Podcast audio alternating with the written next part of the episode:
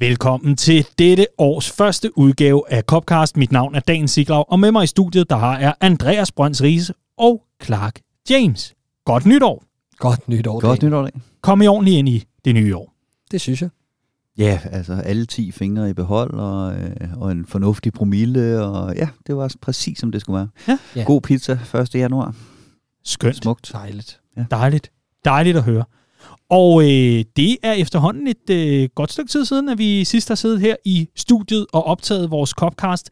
Men øh, det var jo ikke sådan så, at vi var helt stille i løbet af julen, fordi øh, et var, at vi sendte den ordinære og normale Copcast ud den 21. december. Den 24. december, der sendte vi så altså også vores julespecial ud. Og tusind tak for den fine modtagelse, der har været på den udsendelse. Det er vi glade for. Vi er også glade for, at øh, vi fik lov til at nørde så meget Liverpool, selvom at den havde det der, de der små stik af Andreas Brøns Rises øh, onkelhumor i ny og næ. Hallo, det var som et led i Christmas Charity, ikke? at folk donerede penge for at få en julespecial.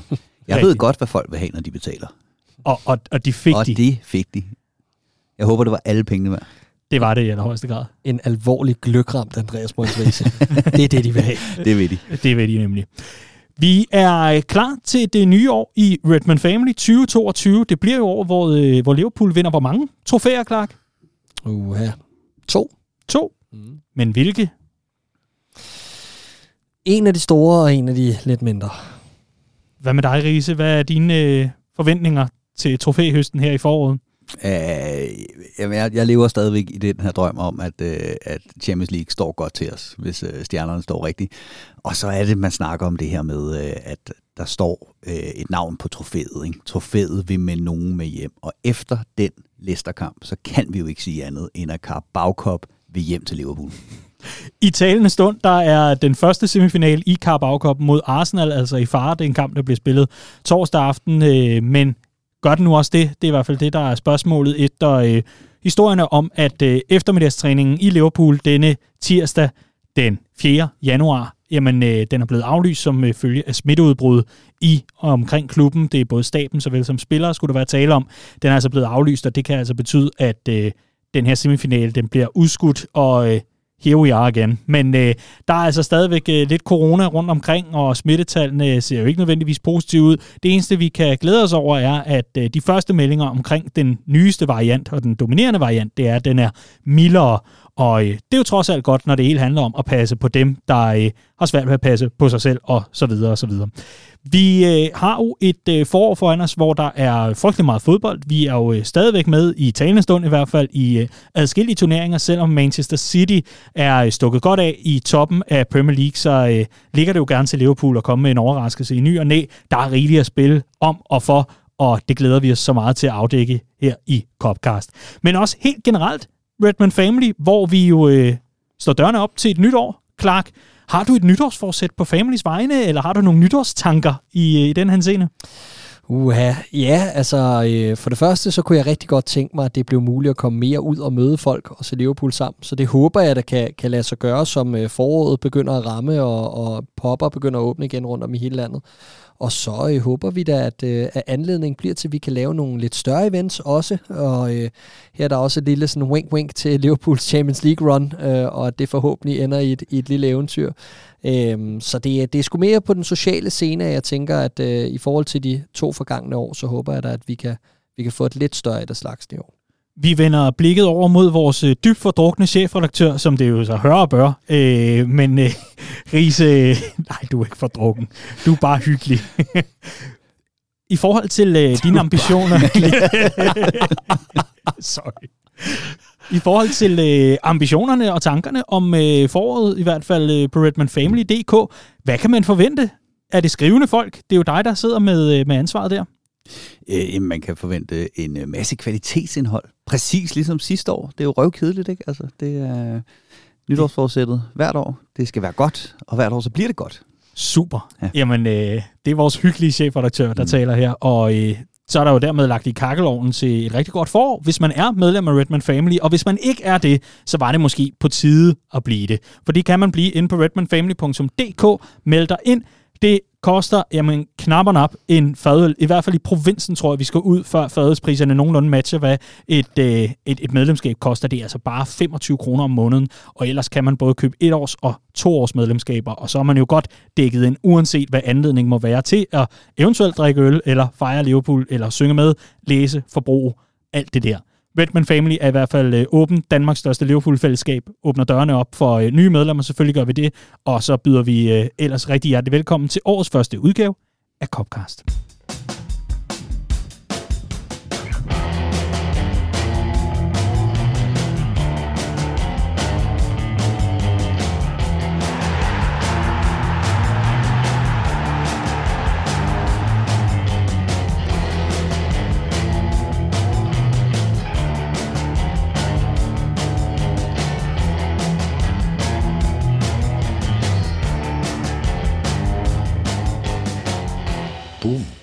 Hvor stemningen er så god her i studiet, og det er jo selvfølgelig fordi, at vi er tilbage, vores lille røde trio her i studie 1, så øh, synes jeg, at vi skal tage fat på øh, et arrangement, du holdt mellem jul og nytår, Riese.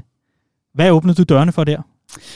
Øh, jamen, jeg holdt jo en, en lille julefrokost, hvor øh, nogen dukkede op, og andre fandt på undskyldninger for ikke at komme, ikke? Jo, så, ja. you're welcome. Ja, jamen, det var, det var, nej, det var rigtig hyggeligt. Øh, Clark var med, blandt andet, øh, og der øh, havde jeg lovet øh, dødsgløk, fordi vi jo ikke fik drukket det under julespecialen, som vi plejer. Og jeg var nede og købe ind, og jeg stod og lavede mad hele dagen, og gæsterne kom, og jeg stod der stresset i mit ansigts fodsved, og diskede op med den ene lækre ret efter den anden. Og så kiggede Clark skuffet på bordet og sagde, hvor er gløkken henne? Og det var selvfølgelig det eneste, jeg havde glemt at lave, ikke? Ej, ja. skuffelsen. Ja, jeg føler mig snydt, og jeg synes godt, vi kan smide din dry January øh, ting der på, øh, på bålet. Ja, den har også varet fire dage nu, det ja. var rigeligt, ikke? Ja. ja. Hvordan, hvordan går det med din hvide januar? Ja, det, er, det er ikke et tema, faktisk. Så øh, okay. jeg er heldigvis lidt fedt op efter, efter både Andreas fantastiske fest, og ellers så også øh, nytårsaften, så øh, jeg har ikke brug for glykkelige forløb, vil jeg sige. Og nu sidder der måske en lytter eller to og tænker, men det lyder da også rigtig hyggeligt, hvad fanden har det med Liverpool at gøre? Det er jo måske det, du så kan øh, åbne lidt op for, Riese, fordi hvad var main event til din julefrokost uden gløk? Ja, main event skulle jo have været øh, Liverpools kamp mod øh, Leicester, øh, men til dem, der kan huske den kamp, kan jeg jo så afsløre, at main event blev, da jeg bankede alt og alle i beerpong. yes. True. Det, der er altså en, øh, en håndboldprofil i dig jo. Det er jo gamle dage. Det er påskekrisen, det er Prag. Det er de, det er de gode tider lige med, præcis, lige med, præcis. med dig som håndboldspiller. Nej, ja, vi så, øh, vi så Leicester-kampen, og den var eddermame øh, forglemmelig, vil jeg sige. Jeg, jeg ved ikke, om Clark er uenig i den øh, dybe analyse, jeg lige er kommet med her. Jo, det er jeg enig i, Andreas. Jeg kan godt mærke, at du prøver at bevæge dig udenom, fordi du til sydenlandet allerede der var for drukken. Men nej, nej, for at være helt ærlig, så blev det bare sådan lidt det blev bare sådan lidt en, en, en, et mærkeligt antiklimaks på en øh, ellers rigtig hyggelig øh, øh aften i, i øh, de her sådan post-juledage, hvor vi, øh, vi har set frem til at se Liverpool køre det her fuldstændig øh, amputerede øh, Leicester-mandskab over, Øh, og øh, det blev bare en helt anden, dybt frustrerende fortælling øh, fra King Power Stadium, hvor det jo faktisk blevet meget omvendt, at det opgør, der havde været ugen for inden i carabao hvor Leicester havde sat sig benhårdt med hele førsteholdet, mens Liverpool stillede med Ravl og Krat og akademiprofiler, jeg skal give dig, og alligevel vandt øh, på straffespark, så var det altså her på, på King Power ugen senere øh, et Leicester-hold, der var fuldstændig færdig, øh, skadesramte, coronaramte, alt muligt andet, øh, og et Liverpool-hold, der kom i fuldkommen stærkeste opstilling, øh, veludvilet efter en aflyst Boxing Day, og med alle muligheder i hånden for at, øh, for at levere et resultat resultat, der ligesom kunne tage dem ind til det her Chelsea-opgør øh, på den anden side af nytår, med masser af selvtillid og, øh, og, og point på kontoen. Men øh, af en eller anden mærkværdig årsag, så skulle det bare ikke være.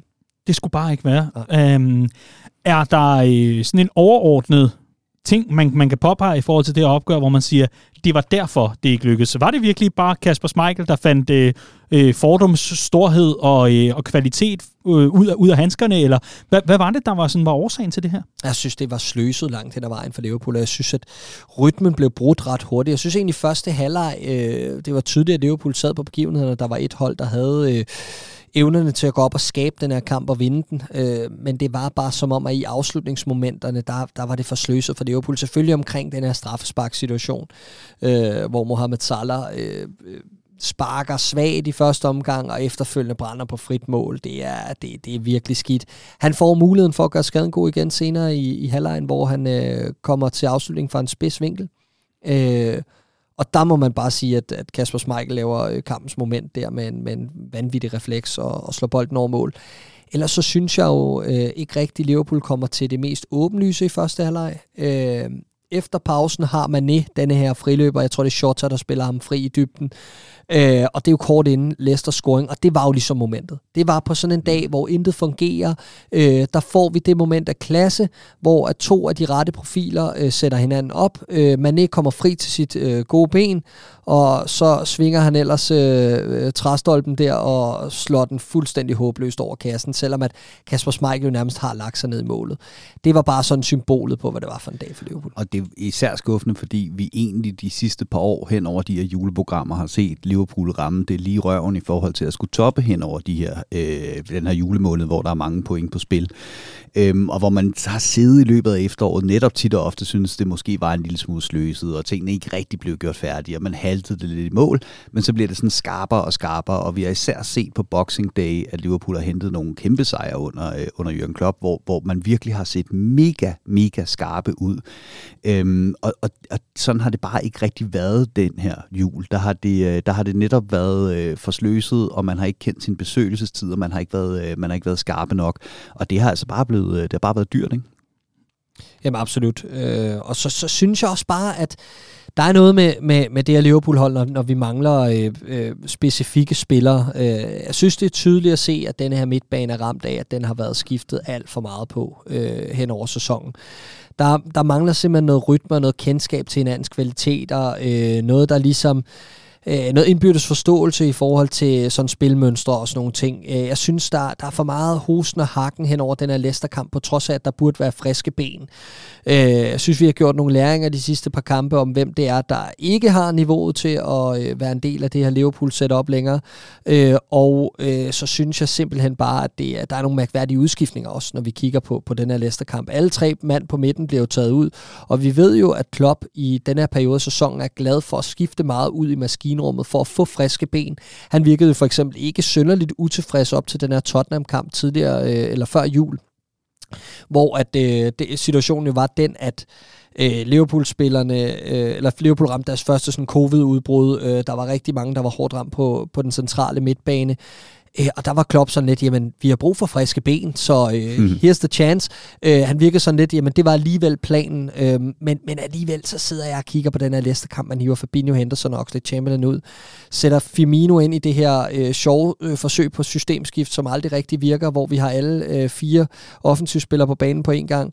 Naby Keita og James Milner kommer ind og bidrager med lige præcis ingenting.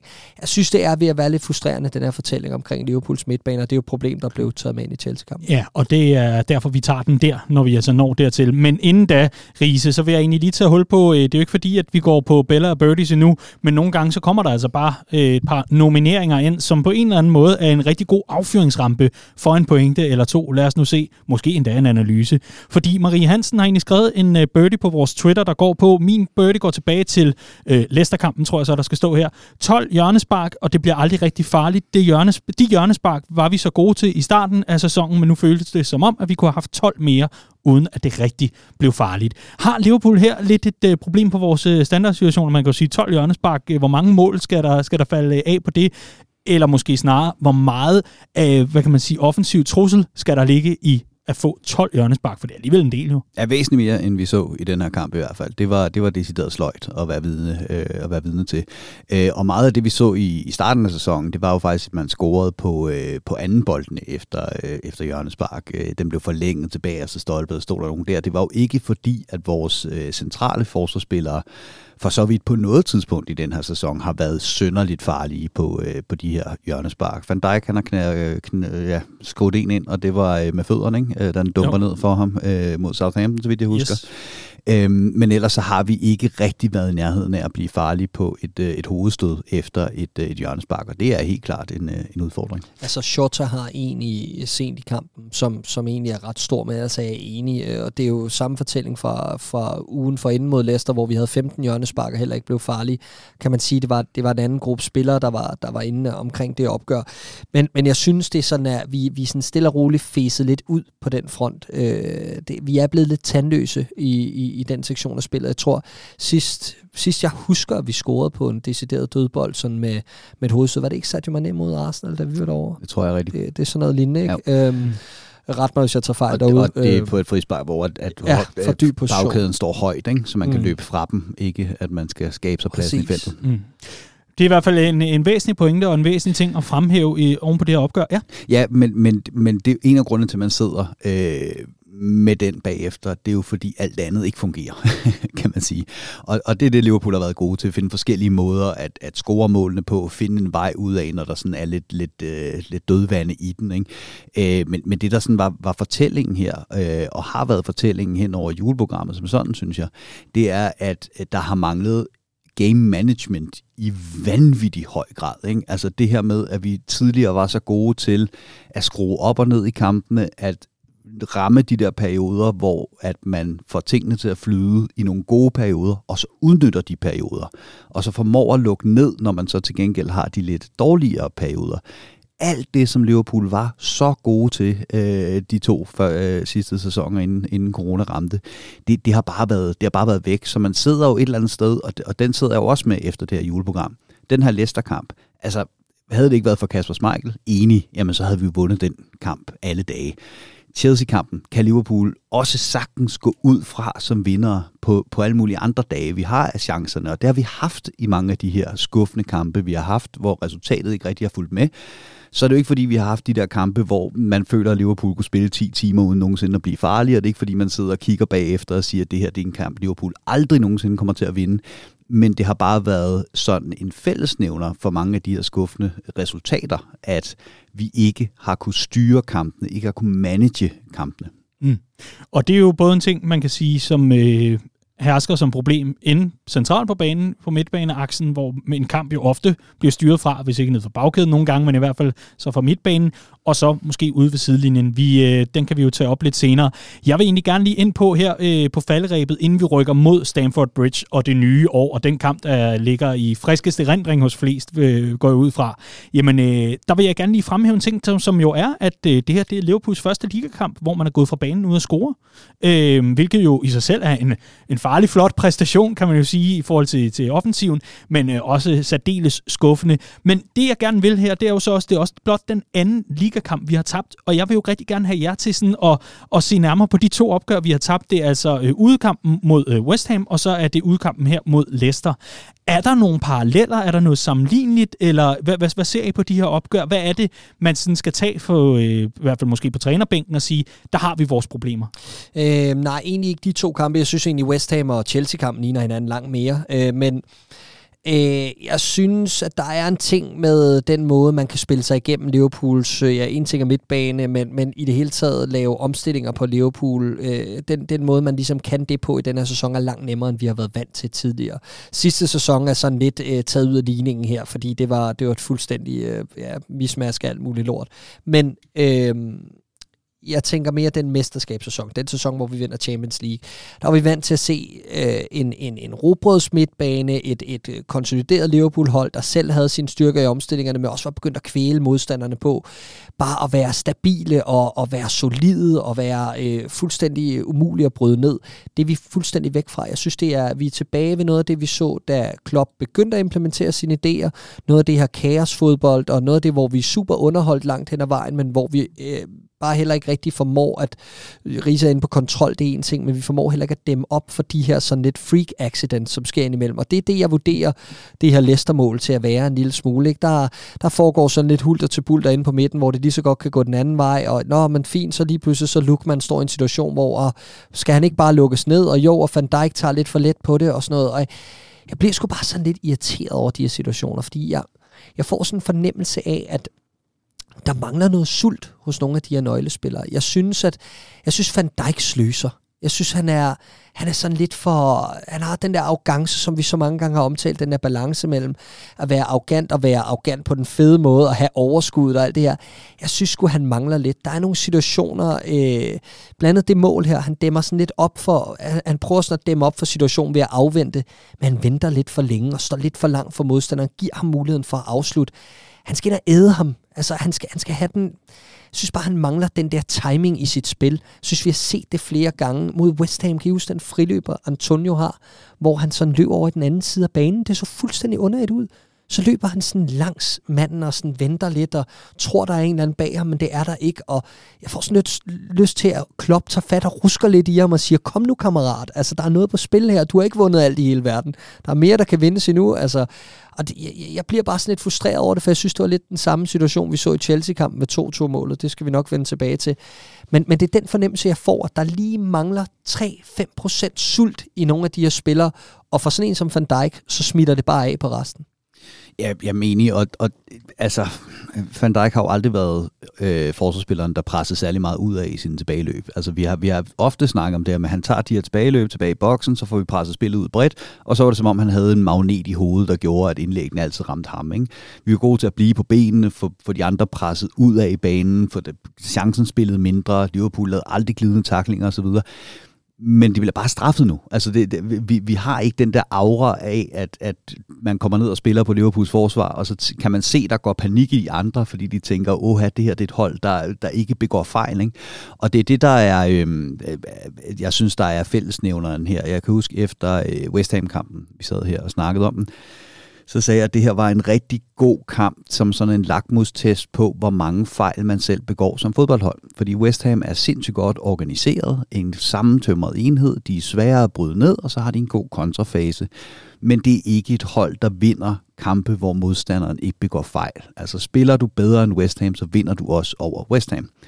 Og det var det, der skete mod West Ham. Det var, at vi begik for mange fejl mod et hold, der så straffede de fejl. Og det er det, der har været ved med, eller bliver ved med at være fællesnævneren. Hvor vi i de tidligere sæsoner så Liverpool, der kunne spille i et højt tempo, alt det her, men hvor der blev begået så uendelig få fejl, særligt inde på midtbanen. Det var så sjældent, du sad og bandede og svoglede over, en dårlig aflevering på midtbanen på det forkerte tidspunkt. Det kan godt være, at der ikke var noget særligt sprudlende og spændende og assist og mål osv., men der var bare sådan en grundstamme af spillere, der ikke begik fejl. Og det bliver der begået i stor stil i, øh, i øjeblikket, og de bliver bare straffet.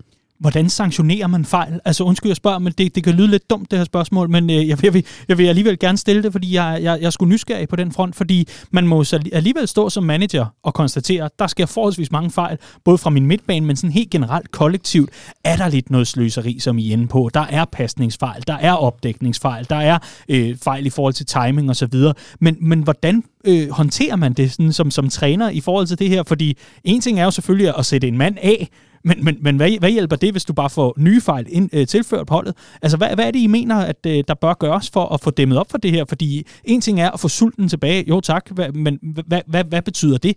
Altså, jeg, jeg vil rigtig gerne ind på, hvad er det, der skal justeres på, for at vi kan blive det her foruden? Jeg synes, det er lidt svært, fordi førhen, der har man jo fra Jürgen Klopps side haft så stor tillid til de 11 startende, der har været. Og øh, en af tingene, da Liverpool brød igennem og fik den her fantastiske succes med det her fodboldhold fra 2018 til, øh, til 2020, det var, at der var så få skader i den startelver. Der var så meget kontinuitet, så de folk, det her det var bygget op omkring, dem lå du spille igen og igen og igen og igen, fordi de fejl skulle nok blive udredt af, at det, at det her hold lærte hinanden at kende, og at man øh, stille og roligt blev, blev en tættere og tættere enhed, der, der forstod hinanden bedre. Ikke? Problemet er nu, at vi er nået ud på nogle ydermandater på midtbanen, som gør, at du kan ikke bare sætte folk af, og du kan ikke bare blive ved at spille dem og tro, det bliver bedre, fordi lige så snart der er nogle af dem, der vi stoler mere på, som har været ude i længere tid, så kommer de jo ind foran i køen, og så skal de ud igen på et tidspunkt, og så er rytmen brudt, øh, og, og det, det, det bliver bare sådan, det bliver sgu lidt noget rod, ikke? Og når vi er inde på Van Dijk og hele bagkæden, altså nok er, er han måske lidt sløs og ukoncentreret, men det tager jo ikke fra ham, hvad han gør ved det her fodboldhold. Så selvfølgelig skal han ikke droppes. Det er bare en af forklaringerne på, hvorfor jeg synes, at det er droppet lidt i kvalitet over den sidste måned, halvanden. Øh, øh han har fået et par dumme advarsler. Han får en fuldstændig unødvendig advarsel mod Everton, da vi er langt foran i den kamp. Han får et, et gult kort, der slet ikke ligner ham øh, mod Aston Villa på, ude, eller på hjemmebane, hvor han bliver sat af af Ollie Watkins i en situation, hvor jeg tænker, Altså, du er simpelthen for klog til det der. Og, og, og der begynder bare at være nogle steder, hvor, hvor han hænger lidt i bremsen. Men han bliver jo også ramt af, at den her midtbane konstant bliver skiftet ud, og at der ikke er den rytme, der ikke er de rette folk bare lige at slå den op til på midten, som vender med den, eller som laver den rigtige beslutning. Øh, og det synes jeg også, trænerstaben er blevet ramt af. At, han, at, at øh, Jürgen Klopp og Pep Linders i den her situation omkring Chelsea-kampen, ikke har de rette folk klar til at, at danne en midtbane, de egentlig stoler på. Og så ender det med Jordan Henderson, James Milner og Fabinho. Jamen, øh, jeg, jeg, jeg er øh, desværre skuffende enig. Øhm, fordi, fordi, ja, Van Dijk er slet ikke på det niveau, vi har, vi har set om tidligere. Der er slet ikke noget der. Og der bliver også begået nogle andre fejl nede i bagkæden, men navre, hvor den midtbane ikke sidder i skabet lige i øjeblikket. Og man ser det, øh, især i Tottenham-kampen, var vi inde på, at den kommer ikke langt, presser ikke langt nok frem, og så har vi en bagkæde, der står parkeret på midterlinjen, og så kan man bare ligge og slå bolde ned i bagrummet. Og det er så nemt at spille forbi Liverpools midtbane i øjeblikket, og du kan gøre det på mange forskellige måder. Du kan slå hårde flade bolde ind, ind igennem midtbanen.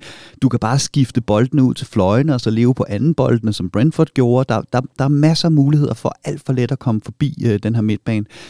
Og ja, hvad fanden gør man? Fordi vi har jo det her, øh, altså den her kamp mellem Chelsea og Liverpool, det var som at se Bundesliga øh, for et par sæsoner siden. End-to-end, fuld throttle, bare fuld tempo på. Det er mega underholdende, men hold kæft for, at det er også kaotisk og fejlfyldt øh, fodbold. Men filosofien er jo, og altså hvis vi skal være sådan noget i, så kan vi jo sige, at Klopp og Tuchel har eddermame haft succes med at spille på den her måde. Altså, der, der, der er nogle trofæer, der kan bakke op om, at det her det er en måde at spille fodbold på. Vi ved så også, at alternativet til plan A er ikke nogen plan A. Øhm, jeg tror, det er, det er Bielsa blandt andet, der har det her murderball, de spiller til træning. Og hele filosofien er, det har Klopp også sagt engang, det skal gå så hurtigt til træning, at når man kommer i kamp, så skal det virke afslappende at spille mega hurtigt. Ikke? Fordi man, man, man begår fejlene til træning, fordi der skal det gå endnu hurtigere. Så, så det, er, det er den måde, man spiller på. Og, og, og det er jo lykkes for Liverpool. Det, som, som vi siger, det her det ligner jo meget af det, vi så i starten, da Jürgen Klopp kom til. Altså at spillerne spiller i et tempo, hvor de begår for mange fejl, fordi hovedet ikke kan følge med. Og hvad gjorde vi der? Jamen, der blev vi ligesom ved med at, at spille på den måde, men så kom der også nogle nøglesignings, der gjorde, at der blev øh, lukket nogle meget, meget afgørende huller i den måde at spille fodbold på, der gjorde det mere sikkert. Og der står vi lige nu, synes jeg, med midtbanen, og jeg er enig i, at vi har været uheldige med skader. Selvfølgelig, øh, selvfølgelig har vi det. Men jeg synes særligt i den her Chelsea-kamp, øh, der er det decideret vanvittigt at se, at Keita og Oxlade Chamberlain ikke kan starte inden foran 36 år i James Milner, for vi havde nøjagtigt samme problem. Henderson er i elendig form, han presser ikke højt nok, Milner, han stoler ikke på sin hurtighed længere, så han presser ikke højt nok, og så bliver vi bare fanget simpelthen for, for langt tilbage i banen med midtbanen. Og der står vi jo ikke med sådan en situation aller sidste år i midterforsvaret, som jeg har set det sammenlignet med flere gange. Der var vi nødt til at hente akademispillere op, ikke? Altså Nat Phillips og Rhys Williams, og hvem fanden havde nogensinde hørt om dem? Her der står vi Gud hjælp med, med to spillere, der har kostet på den forkerte side, må man efterhånden sige, af 30 millioner pund. Begge to. De er i kampform. De har spillet for nylig de er up to speed, og de kan stadigvæk ikke starte inde i sådan en kamp. Øhm, jeg er helt med på, at, at jeg var også en af dem, der sagde, at jeg ikke nødvendigvis mente, at Dine Wijnaldum skulle erstattes på den måde. Øhm, men de, der er nogle spillere på den midtbane, der bare ikke er gode nok, og der er brug for en marquis-signing, en, en, en eller anden signing, der kan komme ind og give noget nyt liv på det her øh, Liverpool-hold. Skal vi bare tage den nu? nu er vi alligevel i gang. Du vil, du vil så gerne have Chelsea-kampen i gang her. Nå, det nej, synes jeg, jeg tænker bare, skal vi ikke bare tage midtbanesnak nu? Ja, jo, jo, selvfølgelig, men øh, det er jo fordi, den var oplagt at tage netop i forbindelse med ja, Chelsea. Ja. Men konklusionen er i hvert fald, at øh, for mange fejl øh, med til at, at grundlægge det her nederlag til Leicester, som er vores andet i sæsonen. Og så er det altså også efter Chelsea-kampen nu, som vi selvfølgelig tager i direkte forlængelse her lige om lidt, jamen så er det altså også nu tre ligakampe i træk for Liverpool, uden man er gået for banen og vinde, og så kan man altså ikke vinde mesterskaber. Så vi skal selvfølgelig ned i materien omkring, hvordan i alverden kan man øh, komme tilbage på sporet, og det gør vi selvfølgelig efter lyden af Sadio Mane, der runder Mangdi. And he certainly has been. And here is Sadio Mane for Liverpool. He's around Mendy, and Mane scores.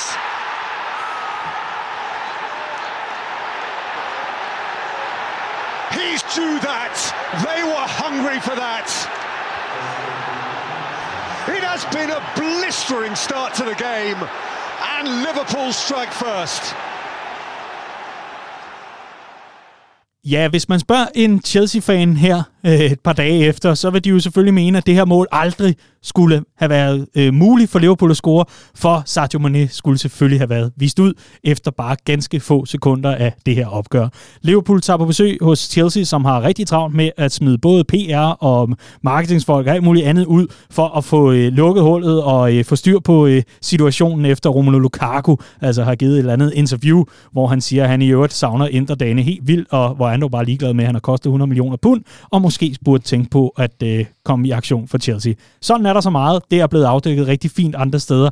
I hvert fald, så er, er vi knap nok, øh, vi er jo knap nok nået at sætte os ned i sofaen, eller hvor pokker man nu engang har set den her kamp, før at Sadio Mane han laver noget ganske kampafgørende, som alligevel ender med at øh, blive sanktioneret med blot et gult kort.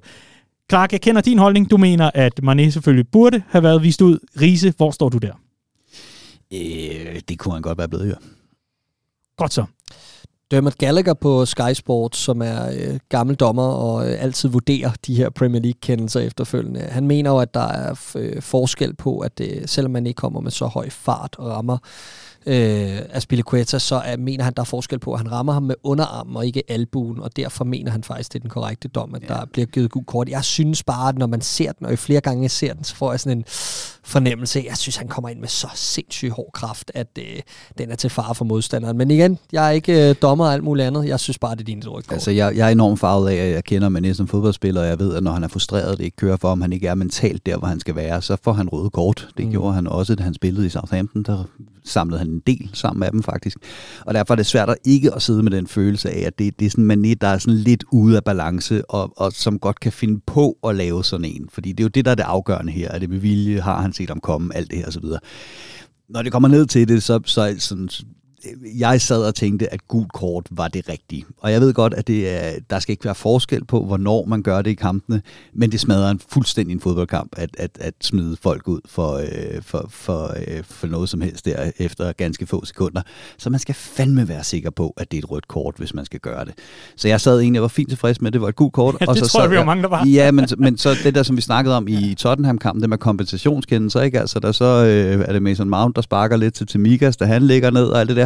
Så tager vi et gult kort der, og så går det begge veje. Det går nok, ikke? Mm. Øhm, så det, altså, jeg, jeg, jeg var, jeg, jeg, altså, jeg, ja, gult kort var, var fint for mig. Jeg har... Det er nærmere den der Pulisic, der, er det Pulisic, der, der, der laver, nej, der laver sådan en strak ben-takling, hvor oh. han får gult, og så Nå, også den, ja, ja. Den, den kunne vist også godt have været orange, var. Ja. Og sådan var det. Og øh, jeg tror, øh, Paul Tompkins, den her Liverpool-skribent, der jo i, hør, i øvrigt overhovedet ikke er farvet. På ingen mulig måde. Aldrig nogensinde er han farvet. Han mener, der rendte tre orange kort rundt i det opgør, og så kan man jo så selv tælle sammen. Men nok om ham, og nok om den de, debat. Og, og hvor var det bare en glimrende fodboldkamp, hvor ville det have været synd, hvis den var blevet smadret af, at man havde smidt folk ud af den. Altså. Ja, omvendt kan man så også mene, hold armen nogenlunde nede, når du kommer ind i en duel. Men ja, sådan er der så meget. Jeg har en, en, en, en, en ny sådan, tankerække, eller hvad, hvad kan man kalde det, en lille regel til mig selv i forhold til de her situationer. Fordi jeg sad efterfølgende og tænkte, er det fordi, at, at min sympati ligger hos Liverpool, og jeg er mange år i Liverpool-fan, at jeg, jeg sådan sidder tilbage og, og er sådan et, oh yes, fedt, fedt, fedt, han fik lov til at blive inde. Øh, jeg, vil egentlig, jeg, jeg er bare begyndt at spejle nogen. Hvis det var Harry Kane, der begik det her, hvad vil jeg så tænke? Altså, mm. det, simpelthen lige vente den om der. Det er min nye huskeregel, det er, hvis Kane havde lavet det her, hvad havde jeg appelleret for? Og lad det egentlig være øh, en rettesnor for andre, der sidder i situationen og ikke lige ved, hvad de skal tænke. Bare tænk, at det var Harry Kane, og øh, så ryk videre i, i tilværelsen.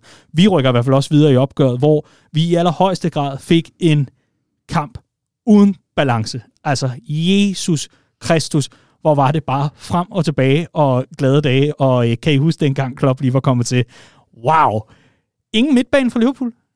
Og her kommer den, midtbanedebatten. Du har efterspurgt den, Clark, fordi øh, det kan da godt være, at vi, vi havde et par mand inden centralt, som øh, skulle agere midtbanespillere, men det var de godt nok ikke særlig gode til på dagen. Det var øh, Kasper, The Friendly Ghost, ja. gange 1000. Ja, men absolut. Altså, Øh, jeg tror også, det blev, øh, det blev bare en meget, meget skarp kontrast til N'Golo Kanté, der løb derinde, der løb derinde og gjorde, hvad der passede ham, og øh, Matteo Kovacic, der laver sæsonens mål, og altså det, det, det blev sgu bare, det, man blev sgu lidt misundelig af, af at sidde og se den kamp, ikke?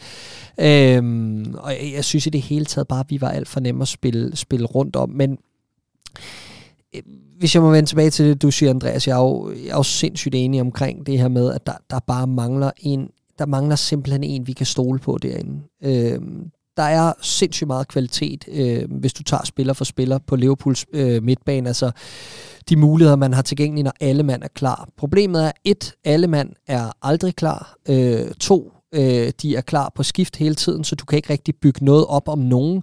Øh, de har sindssygt forskellige kvaliteter øh, hver især, som gør, at vores spil bliver super anderledes afhængig af, hvem det er, der er klar.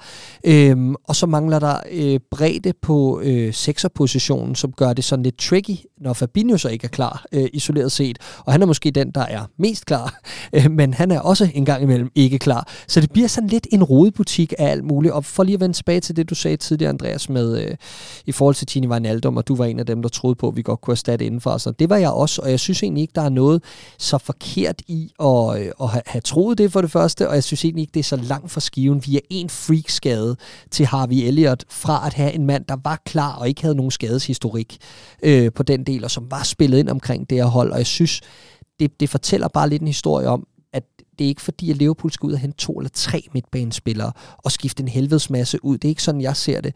Vi skal nemlig ud og ramme den marquis-signing, som du nævner.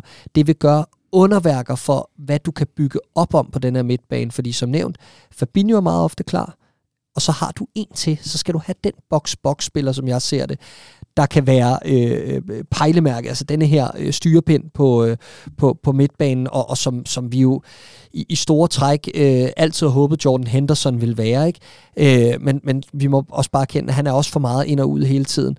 Og så har du ligesom et wildcard på den sidste plads, som kan være en af de her unge kreative folk. Elliot, Curtis Jones, whoever.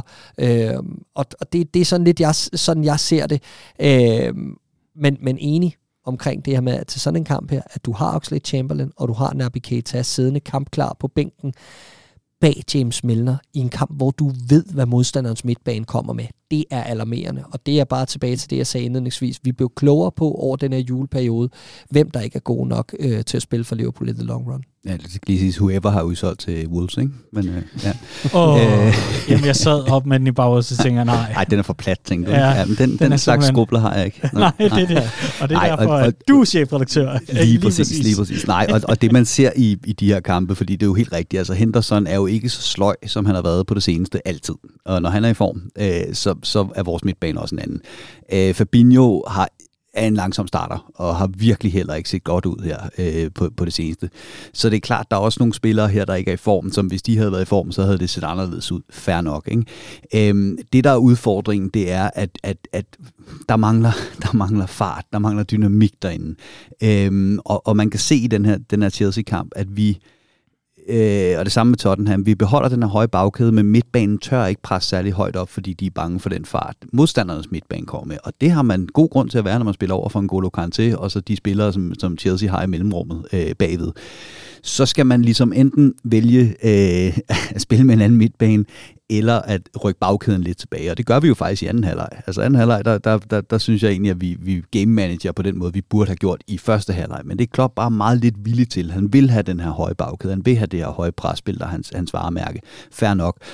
Og så når vi til øh, den del, der hedder, at ja, jeg synes ikke nødvendigvis, at Dine Wijnaldum skulle erstattes men jeg var godt nok heller ikke, øh, det var ikke en fjern tanke for mig at kalde Naby Keita og Oxlade Chamberlain eksperimenterne for slut, og så sælge de to, og så bruge de penge til at købe en ny spiller på den midtbane, som ikke nødvendigvis skulle erstatte Gino Og det sker til sommer. Ja, forhåbentlig. Ikke? Altså, og, og, og det er der, udfordringen er, for det er jo dem, vi mangler. Altså, vi mangler vi, øh, man sad der og tænkte, okay, vi mangler virkelig en, der har eksplosiviteten, farten til at kunne gå op og presse lidt højere, men stadigvæk kunne tage løbet tilbage øh, og dække op, hvis, hvis bolden går forbi midtbanen. Ikke? Havde man bare en nogenlunde fysisk stærk midtbanespiller med lidt eksplosivitet og, og en god arbejdsmoral, og vi havde to af dem siddende ude på bænken, og ingen af dem bliver vurderet gode nok, selv når de ikke har været skadet. Jeg ved ikke, hvor længe de er i kampform. Ikke? Øhm, så, så det er det, jeg siger, der, der, der, åh, ja, for, altså, der, der, der skulle være sket den fornyelse, og det,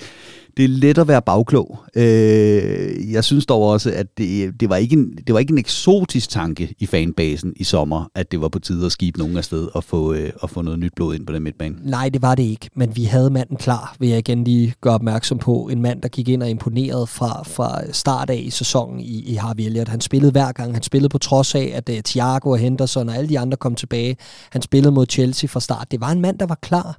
Det var en mand uden skadeshistorik, så jeg synes ikke, det var så naivt igen, øh, at, at gå ind til sæsonen på den måde, velvidende at han var klar, så rammer han en freakskade. Det er jo ikke, fordi han har været ramt af forstrækninger eller træthed eller noget som helst. Han er tilbage lige om lidt. Øh, mit problem er bare, så er vi tilbage ved det her med, du spurgte indlægsvis, hvad gør man nu? Du smider ikke Harvey Elliott ind i det her, og slet ikke efter, han har siddet ude i fire måneder, så det er, en, det er en super ærgerlig situation, men jeg forstår bare godt beslutningen om at gå med de muligheder, man havde, når man vurderede, at Harvey Elliott var klar, og det synes jeg, han var. Jamen, det, det, det køber det fint. På den, på den ene side, helt klart, det var han. Det, det, det beviste han, da han kom ind. Fair nok. Mm. På den anden side, en 18-årig spiller vil have udfald. Altså, jeg tror ikke på, at Harvey Elliott havde kørt den her sæson igennem på det niveau, han startede sin Liverpool-karriere på. Der ville være kommet udfald, hvor man så også skulle kunne hive ham ud. Og fair nok, det havde vi. Vi havde masser af bodies på midtbanen. Det, det. det er slet ikke det. Men så vender jeg bare tilbage til, at de er jo klar, de bodies, og de bliver stadigvæk ikke brugt. Og så, altså, der, der måtte man skulle gerne have taget den beslutning, altså, fordi det, det er jo ikke, det er to sæsoner nu. Det er to sæsoner ja. nu, at det har været tydeligt, at Oxlade Chamberlain og Naby Keita, ideen med dem var netop, at de skulle kunne alt det her, som vores otter skal kunne. De skal være arbejdsomme, de skal alt det her, så skal de kunne komme med det der lidt mere x-faktor. Den, den berømte manglende brik på Liverpools midtbane. Troede vi, at begge de to spillere skulle være. Det skulle de ikke. Mm. Og, og vi, vi ville ikke sælge dem, garanteret, fordi vi ikke kunne få de penge for dem, som Liverpool mener, at øh, de penge, øh, eller de to spillere er værd. Ligesom vi ventede, jeg ved ikke hvor længe, med, med Shakiri, og der går også rygter om, at grunden til, at Urugi ikke er solgt, det er fordi, at der ikke er nogen, der betaler det, han er værd, og så videre.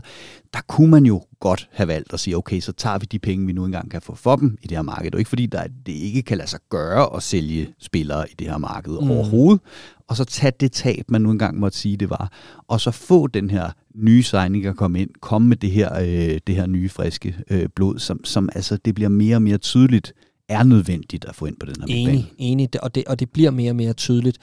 Øh, men jeg synes også, at øh, nu, nu, nu snakker vi Keita og Chamberlain, og ja, det er hvad det er. Jeg synes, at, at, at Keita har bidraget lidt med det, som han plejer over en lille del af sæsonen, og så bliver det frustration igen, og han har jo ikke nogen fremtid på det her hold. Altså det har han jo ikke, og det, det blev bare slået fast med, at han sidder på bænken op men til den her kamp. Men det har meget hed sig, på grund af skaderne. Han har ikke været skadet, jeg ved ikke. Men jeg synes, nej, men enig. Øh, men jeg synes også, at øh, apropos freak-skader, så render vi også ind i, så har vi en Curtis Jones, som efter har vi Elliot skade, går ind på det her hold, brager et fantastisk langskudsmål ind øh, mod Brentford på udebane, går ind og viser, at jeg kan sgu også noget på den her midtbane. Så render han ind i at få en finger i øjet og sidder ude i 6-7 uger. Altså, jeg synes også bare, vi må også bare tage med, der er nogle ting i det her regnestykke, som vi ikke kunne have taget højde for. Fordi ja, vi ved, at Naby Keita er skadet øh, store del af sæsonen. Vi ved, at Chamberlain går i stykker og ikke kan holde til det. Den æder jeg. Men de to andre, altså det er også to seriøse øh, spillere som med et stort potentiale, som kunne have bidraget. Men de to, du nævner, der ofte går i stykker, har ikke været i stykker. Hvem tænker du? Ox og Keita, de har været klar. Ja, nej, Keita har været et stykker et, et par gange i løbet af efteråret, ikke? Altså, ja. Og, og, og jeg mener, at de to cases er forskellige, for jeg mener ikke, at Oxlade Chamberlain er god nok til at spille for Liverpool. Jeg mener, at Naby Keita er god nok til at spille for Liverpool, men han er ikke pålidelig. Ja, Undskyld, øh, jeg, jeg bliver simpelthen nødt til at, at lige bryde ind her i forhold til, til den øh, diskussion, fordi jeg sidder egentlig tilbage med, med, med, med, med tanken om, at det kan simpelthen ikke være rigtigt, at man går ud to sæsoner i streg, og ikke er klar til, at der opstår de her komplikationer. Sorry to say. Altså, det, det, er jo, det er jo øh, ganske øh, givet, at man i løbet af en sæson løber ind i en lille krisehister her. Det kan være i for, forbindelse med coronasmitte, som jo altså kommer fra, fra ingenting lige pludselig. Så skal man også forholde sig til det. Et var, at man skulle forholde sig til, at stængerne kunne blive trætte, man kunne blive taklet uheldigt osv. Det så vi ligesom i sidste sæson, hvor vi fik Virgil van Dijk skadet, vi fik Joel Matip skadet, vi fik Gomez skadet, og hentede så Ravl og Krat, og hvem fanden var du fra øh, henholdsvis øh, Bundesligaen og, øh, og Championship ind til at gardere de pladser, og det var først til allersidst og et mirakel, og vores målmand skulle score på hovedstød, før vi fik sikret vores Champions League-plads. Det var ligesom det, der skulle sikre det. Det kan jo simpelthen ikke være en undskyldning, at man to sæsoner i streg ikke er klar på, at der opstår de her situationer, hvor førstevalgene ikke er klar. Det handler jo om, at rekrutteringen ikke er god nok. Sorry to say. Set fra mit stol, så er det helt tydeligt, at Liverpool efter Champions League og mesterskabstriumfen ikke har været ude og gardere sig ordentligt til fremtiden. Det her, det er altså Krammerpol og Geo Gerløs i, øh, i, i værkstedet, der skal finde på den ene og den anden og den tredje løsning for, at det kan, kan løbe rundt. Men undskyld, i mellemtiden, der ligger vores konkurrenter og bliver ved med at gardere og sørge for, at deres trupper er klar, mm. får den nødvendige ilt, får den nødvendige et, et, indsprøjtning af ny kvalitet. I mellemtiden har vi altså en manager, der bare skal prøve at finde nogle nye titler og nogle nye tanker omkring de her spillere. Men slutproduktet er det samme, og det er, at det ikke er godt nok. Og så ser man netop sådan et opgør som mod Chelsea, hvor man så tager de her dybt rutinerede midtbanespillere, Jordan Henderson og James Milner, der får lov til at blive udstillet som veteranspillere, i stedet som professionelle Liverpool-spillere. Et Liverpool-mandskab, der for ikke særlig lang tid siden rev det første mesterskab i 30 år, og i, i øvrigt gik rigtig, rigtig langt i Champions League, øh, og vandt også finalen i, i Madrid. Det, det er ikke det Liverpool-hold, jeg ser mod Chelsea. Det er altså ikke et tophold værdigt, at man ikke har styr på rekrutteringen. Sorry to say. Jeg elsker filosofien omkring, at man vil lidt noget andet. Jeg kan godt købe ind på den, mm. men jeg kan, jeg kan simpelthen ikke købe ind på, at man ikke er bedre garderet her. Og jeg synes, jeg synes efterhånden ikke, der er nogen undskyldninger, for som du siger, Riese, der burde være alle muligheder for, at Oxlade Chamberlain og Keita kan gå ind og sige, nu skal I høre, gammel Smølf 1 og 2, vi er klar, vi vil rigtig gerne spille for den her plads, fordi vi ved lige om lidt kommer Harvey Elliott tilbage, så kommer Curtis Jones tilbage, så bliver I forblændet af, uh, de her drenge, der på Instagram og alt muligt andet. Vi er klar til det her, ikke? Nu går vi med med forrest, men det er bare ikke det, vi får. Og det er simpelthen skuffende. Jeg er så drøn skuffet over Liverpools rekruttering og manglende rettidig omhu i forhold til at få styrket truppen. Og manglende aggressivitet på markedet, fordi netop som vi? du siger, da vi vinder de titler, skal vi ud og angribe det marked og lave et vindue. Måske skal vi ikke forvente, at vi laver et sommervindue, eller det vi laver i 18, hvor vi jo på bagkanten af en tabt Champions League-finale går ud og henter både Fabinho og, og Allison, og det kommer endda et halvt år efter, vi har hentet Van Dijk også, og det er også den sommer, vi får Keita ind, er det ikke det? Efter, øh, jo, det er det. Vi har pre-signet ham ja, i januar. Ja, ja, præcis. Ja, eller i, i, I juli. Ja, ja, ja, undskyld. Øh, og, og altså, der, der blev virkelig bygget på øh, øh, den sommer der. Og det er det, vi savner lidt. Altså det er det, jeg, når jeg sidder og kigger på det, det var det, jeg mente, at den her sommers vindue øh, var, var, var lidt tid til, okay, brug den mulighed, at Alison Becker laver et mirakel, til at sige, okay, så kan vi tiltrække den fornødne øh, øh, kvalitet på nuværende tidspunkt til at bygge op igen til det næste generationsskift. Så jeg er helt enig, øh, Daniel, jeg synes, det, jeg synes, det er en større snak om, at der er flere steder på banen, der burde have været fornyet for nu. Øh, lige præcis midtbanen, og det behøver heller ikke være et forsvar eller andet. Jeg kan sagtens forstå dem, der mener, at vi skulle erstatte Gini Wijnaldum. Jeg kan bare også godt forstå, at man valgte at sige, at vi har faktisk to unge gutter her, som kan give den fornyelse indenfra, øh, som kan give noget øh, sustainability over tid. Øh, velvidende, at vi har de rutinerede, den mængde af rutinerede spillere, der er nok til, at de er beskyttet. Men vi må også bare sige, at den læring, vi har gjort os nu, er, at der er ikke nok folk at stole på på den midtbane, og øh, det blev bare øh, simpelthen slået så Jamen. klokkeklart fast mod Chelsea. Yes, og, og, og det havde jo heller ikke været så slemt, hvis ikke at Henderson og Fabinho var faldet et formhul samtidig. Vel? Altså fordi hvis en af de to Nej. skulle ind og være øh, afløser for, øh, for øh, Thiago, altså lad os sige Keita eller, eller Ox skulle ind og være afløser for, øh, for en Thiago, som vi godt ved ikke kan spille øh, 50 kampe på en sæson. Men det havde været ved siden af en Henderson og en Fabinho i topform. Så havde vi ikke siddet nødvendigvis og haft den her samtale. Så der er også mange faktorer, der, der falder sammen. Og så er der også den her, øh øh, øh, øh, som jeg heller ikke kan lade være med at slippe lidt, øh, som er, at vi sidder trods alt også og snakker om, at, øh, at vi øh, som øh, nummer to i ligaen, hvis vi vinder den kamp, vi har i hånden, øh, spiller uafgjort med nummer 3 på, øh, på udebane. vi har, vi har, har scoret 52 mål og lukket 18 mål ind i, i, i, i 20 kampe. Øhm, det er jo ikke fordi, at Liverpool har gang i en sæson overhovedet, og havde det ikke været for det her latterlige City-hold, øh, som på, øh, jeg ved ikke hvor mange sæsoner har opbygget en fantasy football trup, så havde vi heller ikke siddet og haft den her, øh, den her samtale. Og, og, og, og, og, og det, det, det skal man også have med i ligningen. Fodbold er ikke ment til at skulle være fejlfrit. Fodbold er ikke ment til, at du skal vinde alle dine kampe på en sæson for at vinde mesterskabet. Det er også latterligt, det vi ser i øjeblikket. Når det så er sagt, så er jeg fuldstændig enig med Daniel i forhold til det her med, at det var ikke Dina Wijnaldum, der skulle erstattes. Det var nogle af de her udtjente bredde spillere. Mm. Det er Origi, det er Shakiri, det er Ox, det er Keita, det er den garde, som vi har set Præcis. for længe siden er blevet til Adam Lallana. Vi kan godt lide dem, og de har leveret et eller andet på et eller andet tidspunkt, men det er ikke holdbart. Det, det, det, det, det, dem skal vi have, have ud af døren. Og der har vi set Liverpool nøle meget længe. Ikke? Altså, og vi ser det igen og igen, det her med, at vi venter et år med at erstatte. Ikke? Altså, så har du øh, øh, loveren, der ryger afsted. Så giver vi det lige et år for at se, om vi kan løse Præcis. tingene internt. Og det er lidt det samme, vi har gjort i, i, igen her. Ikke? Altså, ja, ja, så ryger Gini og alle hans kampe, men prøv at se, hvem vi har her. Vi har jo masser af spillere, så hvis nu en af dem kan steppe op og så videre, ja, ja, det er også fint nok. Der er bare mange af de der brede spillere, der skal ud af døren, og, og, og det skulle være sket tidligere. Det kunne vi altså godt have gjort. Dermed ikke sagt, at jeg ikke også anerkender, at Liverpool har ikke gang i en redselsæson. Det, det, det, det, det, det er en fin sæson efter normale målestoksforhold. Og vi er ikke ude af mesterskabskampen. På trods af, at det ser skidt ud, så er der mulighed for at vinde den kamp, vi har i hånden, og så er der 8 point med været 17 kampe igen, efter de er City er på 21, ikke? Jo. 17-18 kampe igen, og potentielt 8 points forspring. Og Ego. Chelsea kan også hjælpe et opgør, og ja, ja, andre kan også altså, hjælpe et opgør. Og, og vi har også et indbyrdes mod City på et tidspunkt, hvor vi har øh, yes. folk tilbage fra, fra AFCON og så videre. Men jeg, jeg elsker nuancerne, og jeg elsker øh, lige præcis alt det, der skal ind i ligningen, fordi det er med til at fortælle et netop nuanceret billede af, hvorfor, hvorfor er det, Liverpool er i den her situation, som de er mod Chelsea, hvor man stiller med en midtbane, der bliver rendt over inden, og som bliver, ja undskyld, røvhakket fra øh, første til 90. minut. Fuldstændig efter humør for Kanté og Kovacic, og det er jo egentlig Chelseas, øh, hvad kan man sige, offensive spillere, der er afgørende for, at det ikke bliver større sammen med en Keller, der i øvrigt står en glimrende kamp øh, inde, på, inde på stregen der.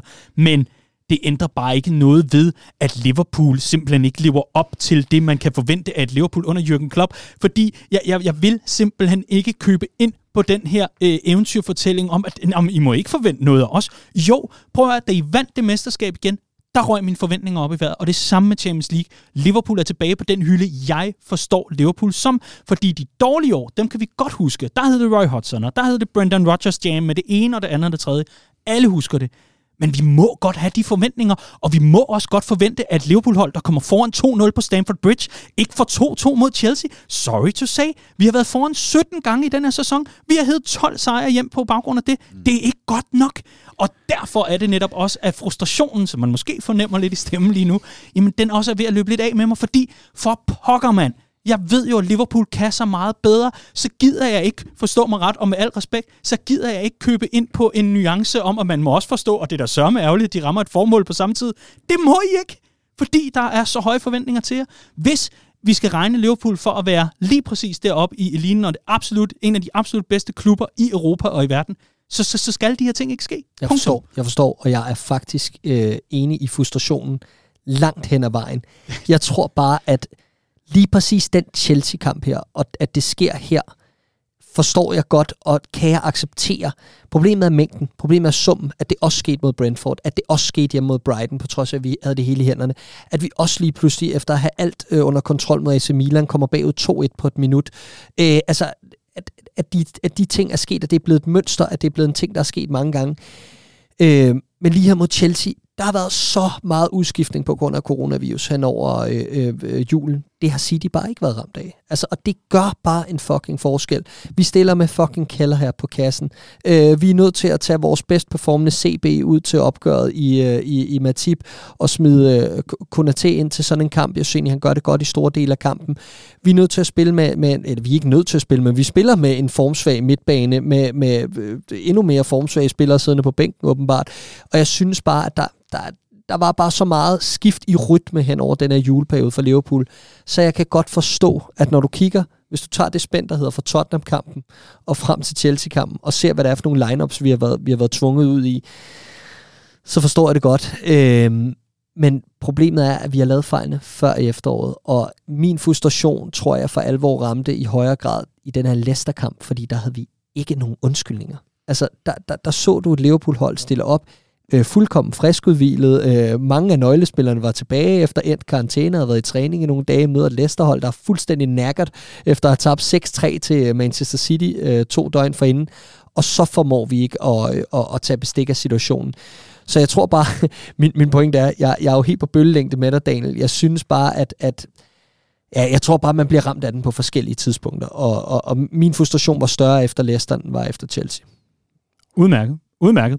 Jamen, øh, prøv at det, det skal jo heller ikke lyde som om, at, øh, at øh, jeg, jeg er ved at brænde min medlemskab af Redman Family og, og, og kyle Liverpool-trøjen i skraldspanden, og så var det det. Øh, intet, intet kunne være, lægge mig mere, mere fjernt. Men, men jeg tror, det, det, der, det der sådan er ophobet hos mig, det er, we know better. Jamen. Altså, jeg, jeg kunne acceptere det netop, hvis det var et, et, et cool, øh, profiler, hvor de var unge og uerfarne, og ikke vidste, hvordan man trådte en kamp øh, fuldstændig i stykker, eller i hvert fald fik bremset øh, lidt af tempoet, eller på anden vis ligesom fik, fik noget ro og overskud over det, for alle kunne se, at den kamp var fuldstændig bonkers. Især da Liverpool kommer på 2-0, er der jo stadigvæk fuld fart over feltet, og det stopper jo ikke der, for vi går til pause 2-2.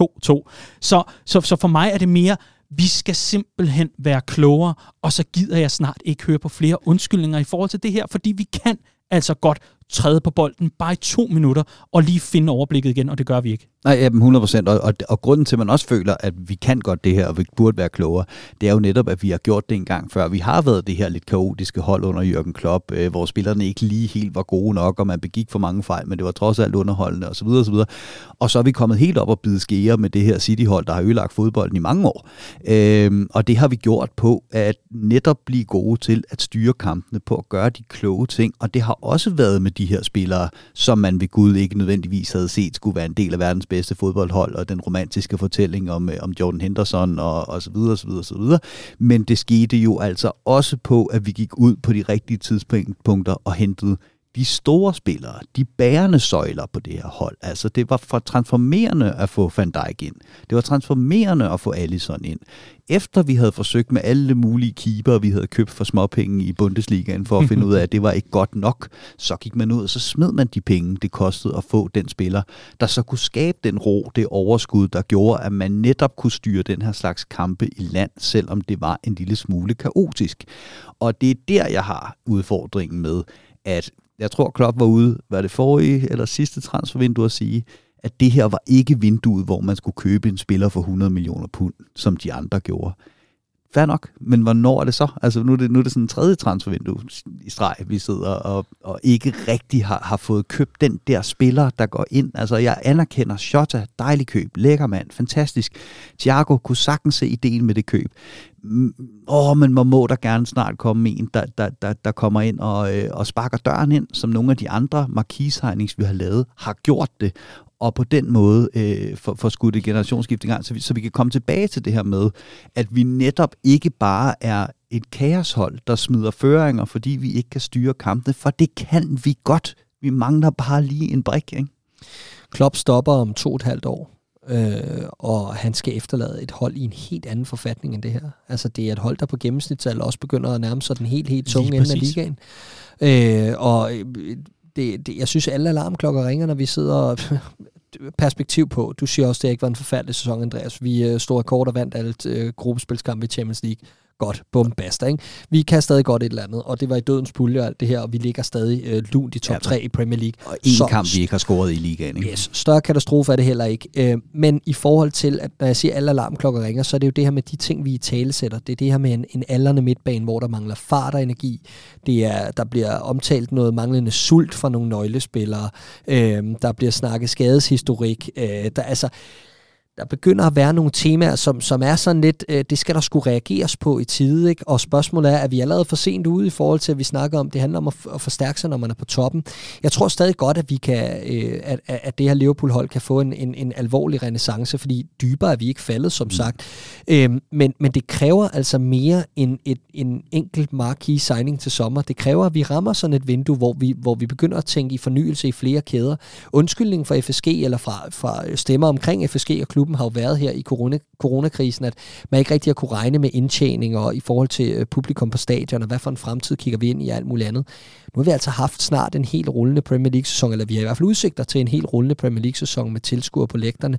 Liverpool klarer sig fantastisk i Champions League, skovler øh, præmiepenge ind. Selvfølgelig er der penge til, at Liverpool kan forstærke truppen til sommer, og det skal vi ud og gøre, og vi skal selvfølgelig have den 8, men vi skal altså også kigge op i, øh, i, i frontlinjen, fordi nu ser vi ind i en januar-februar måned, hvor vi bare går ind og accepterer, jamen så mangler vi bare øh, Sergio Mane og Mohamed Salah til en sindssyg crucial periode i sæsonen, hvor vi kan ryge øh, ud af en semifinal. Øh, ud af to turneringer. Hvad tænker du? Nå, ja. FA Cup og ja, ja, altså de to cup-turneringer. Det er selvfølgelig de to turneringer, der er lavest i, i, i prioriteringen i klubben, øh, apropos penge.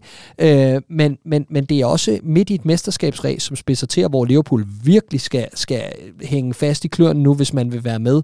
Og ja, programmet er nogenlunde overkommeligt her i januar, men er, det, øh, altså, er man sikker på, at Liverpool bare går ud og gør rent bord, når man mangler de to? Absolut ikke. Men bare roligt, deres erstatninger sidder jo klar. Jamen, og, og det er jo det, så vi igen ud ved availability og de her ting. Ikke? Minamino er skadet, øh, Origi er skadet, øh, og, og ikke i kampform. Vel? Så, så de næste er heller ikke klar. Øh, og, og, og det bekymrer mig altså lidt, at man ikke har forberedt sig bedre på den her øh, på, øh, situation.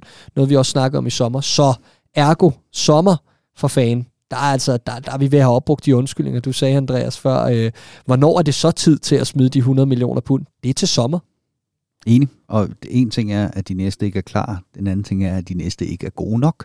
Ja. Og nu bevæger vi os ind i det her farlige territorium, hvor man altid får sagt, nu siger jeg, at Oxlade Chamberlain ikke er god nok, og så går han ind i en spil, spiller en eller anden brandkamp. Han var fremragende mod Arsenal, da vi var over og, og se dem. Og det, det kan han sagtens dukke op og lave en, en fremragende præstation øh, igen, ikke? og, og, og øh, for langt om længe smadre den ind fra 50 meter, og Keita kan også have sådan en Leicester-præstation igen, og Urigi kan komme ind fra bænken og afgøre det igen, og Minamino kan også godt lige pludselig dukke op og score tre mål i fire kampe, som man har forvent. Det er ikke det, jeg snakker om. Jeg snakker om kontinuitet. Ja. Det er det, som Liverpool allermest mangler lige nu, og som vi var så gode til i starten. Vi havde de her bundstabile spillere, der netop gjorde, at vi ikke kylede føringer over styr. Der gjorde, at vi kunne stole øh, på, på, hvad niveauet var på det her øh, Liverpool-hold. Så det er jo ikke, altså jeg, jeg, jeg kan da sagtens se, at Oxlade Chamberlain er en, en fornuftig fodboldspiller, men, men han er ikke stabil nok. Der mangler stabilitet, der mangler bund i næste geled efter de startende 11. Men, men nu er vi tilbage ved noget, du sagde tidligere i, i, i forhold til øh, Chamberlain har jo været klar længe. Mm. Hvis han er en fornuftig fodboldspiller og god nok til at spille for Liverpool. Altså, jeg, jeg må bare sige, hvis du kigger, du siger, at han var god, da vi overse øh, med Liverpool mod Arsenal. Jeg sidder og tænker, Alex Oxlade-Chamberlain har ikke spillet en rigtig god kamp for Liverpool den her sæson. Det har han ikke. Han har ikke spillet en rigtig god kamp for Liverpool. Man har ikke spillet en rigtig god kamp for Liverpool, siden han blev skadet. Nej, men og det, det er det, jeg mener. Altså, det er fandme... Altså, jo, op.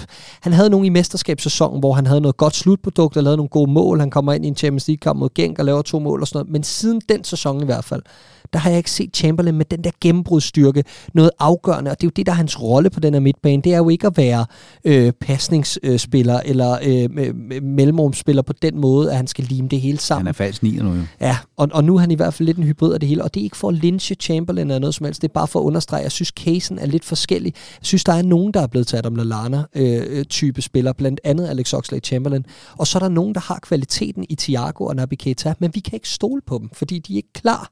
Øh, og, og det er der, jeg synes, forskellen ligger. Ja, og jeg er så bare ikke enig i vurderingen af Applicator, men det er en gammel diskussion. Ja, det er Den, det.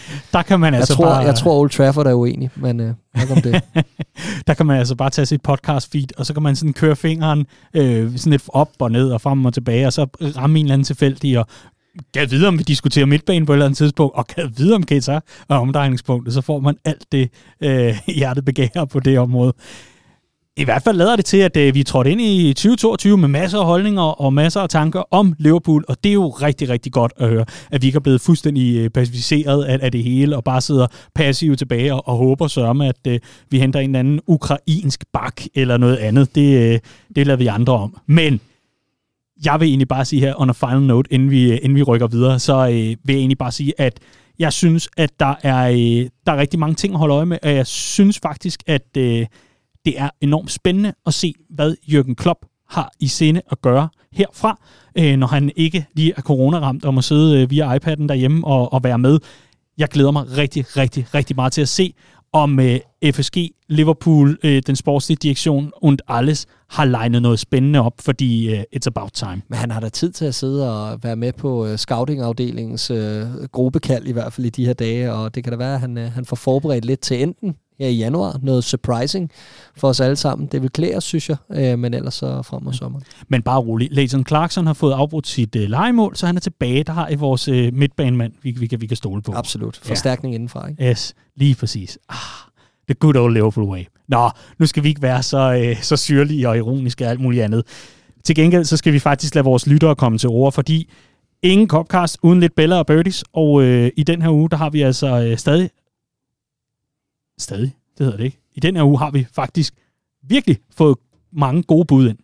Du sidder og kigger så underligt på. Jeg bare og tænkte, skal vi slet ikke snakke Chelsea-kampen? jo, jo, jo okay. det er jo det, vi har været i gang med, men der, der er i hvert fald rullet... Jeg tror bare, der gik midtbane ind. Ja, ja, ja. det gjorde der også, men, øh, men øh, der er kommet rigtig mange rigtig, rigtig gode bud ind. Og igen, der plukker jeg altså lidt på forhånd i forhold til, til Bella og Birdie. Og der har vi Jakob, som øh, måske sætter øh, ord på nogle ting, fordi nu hørte vi lige Sadio Mane, der endelig fik rundet en keeper og sat bolden i kassen. Og, men, øh, men Jakob på Twitter, NM17, skriver, øh, jeg synes virkelig, man skal overveje, hvor meget fremtid der er i Sadio Mane. Hans bundniveau er voldsomt lavt, og man ser det desværre for ofte. Og uh, er der en oplagt der at indgå i en byttehandel med nogen, eller hvad? Øh, nej, jeg, jeg, jeg sad bare, jeg tænkte, der skulle lige præcis det til at sætte Sergio Mané i gang. Ikke? Sådan en kæmpe fejl begået af en Chelsea-forsvarsspiller. Var jeg den eneste, der sad med livet i hænderne for, at han ville lave en øh, shot og bare smadre ja. den i maven på Aspilicueta inde på stregen, da han ikke kigger op. Altså, det var det, da heller ikke langt fra. Ja, det var nemlig ikke så langt fra.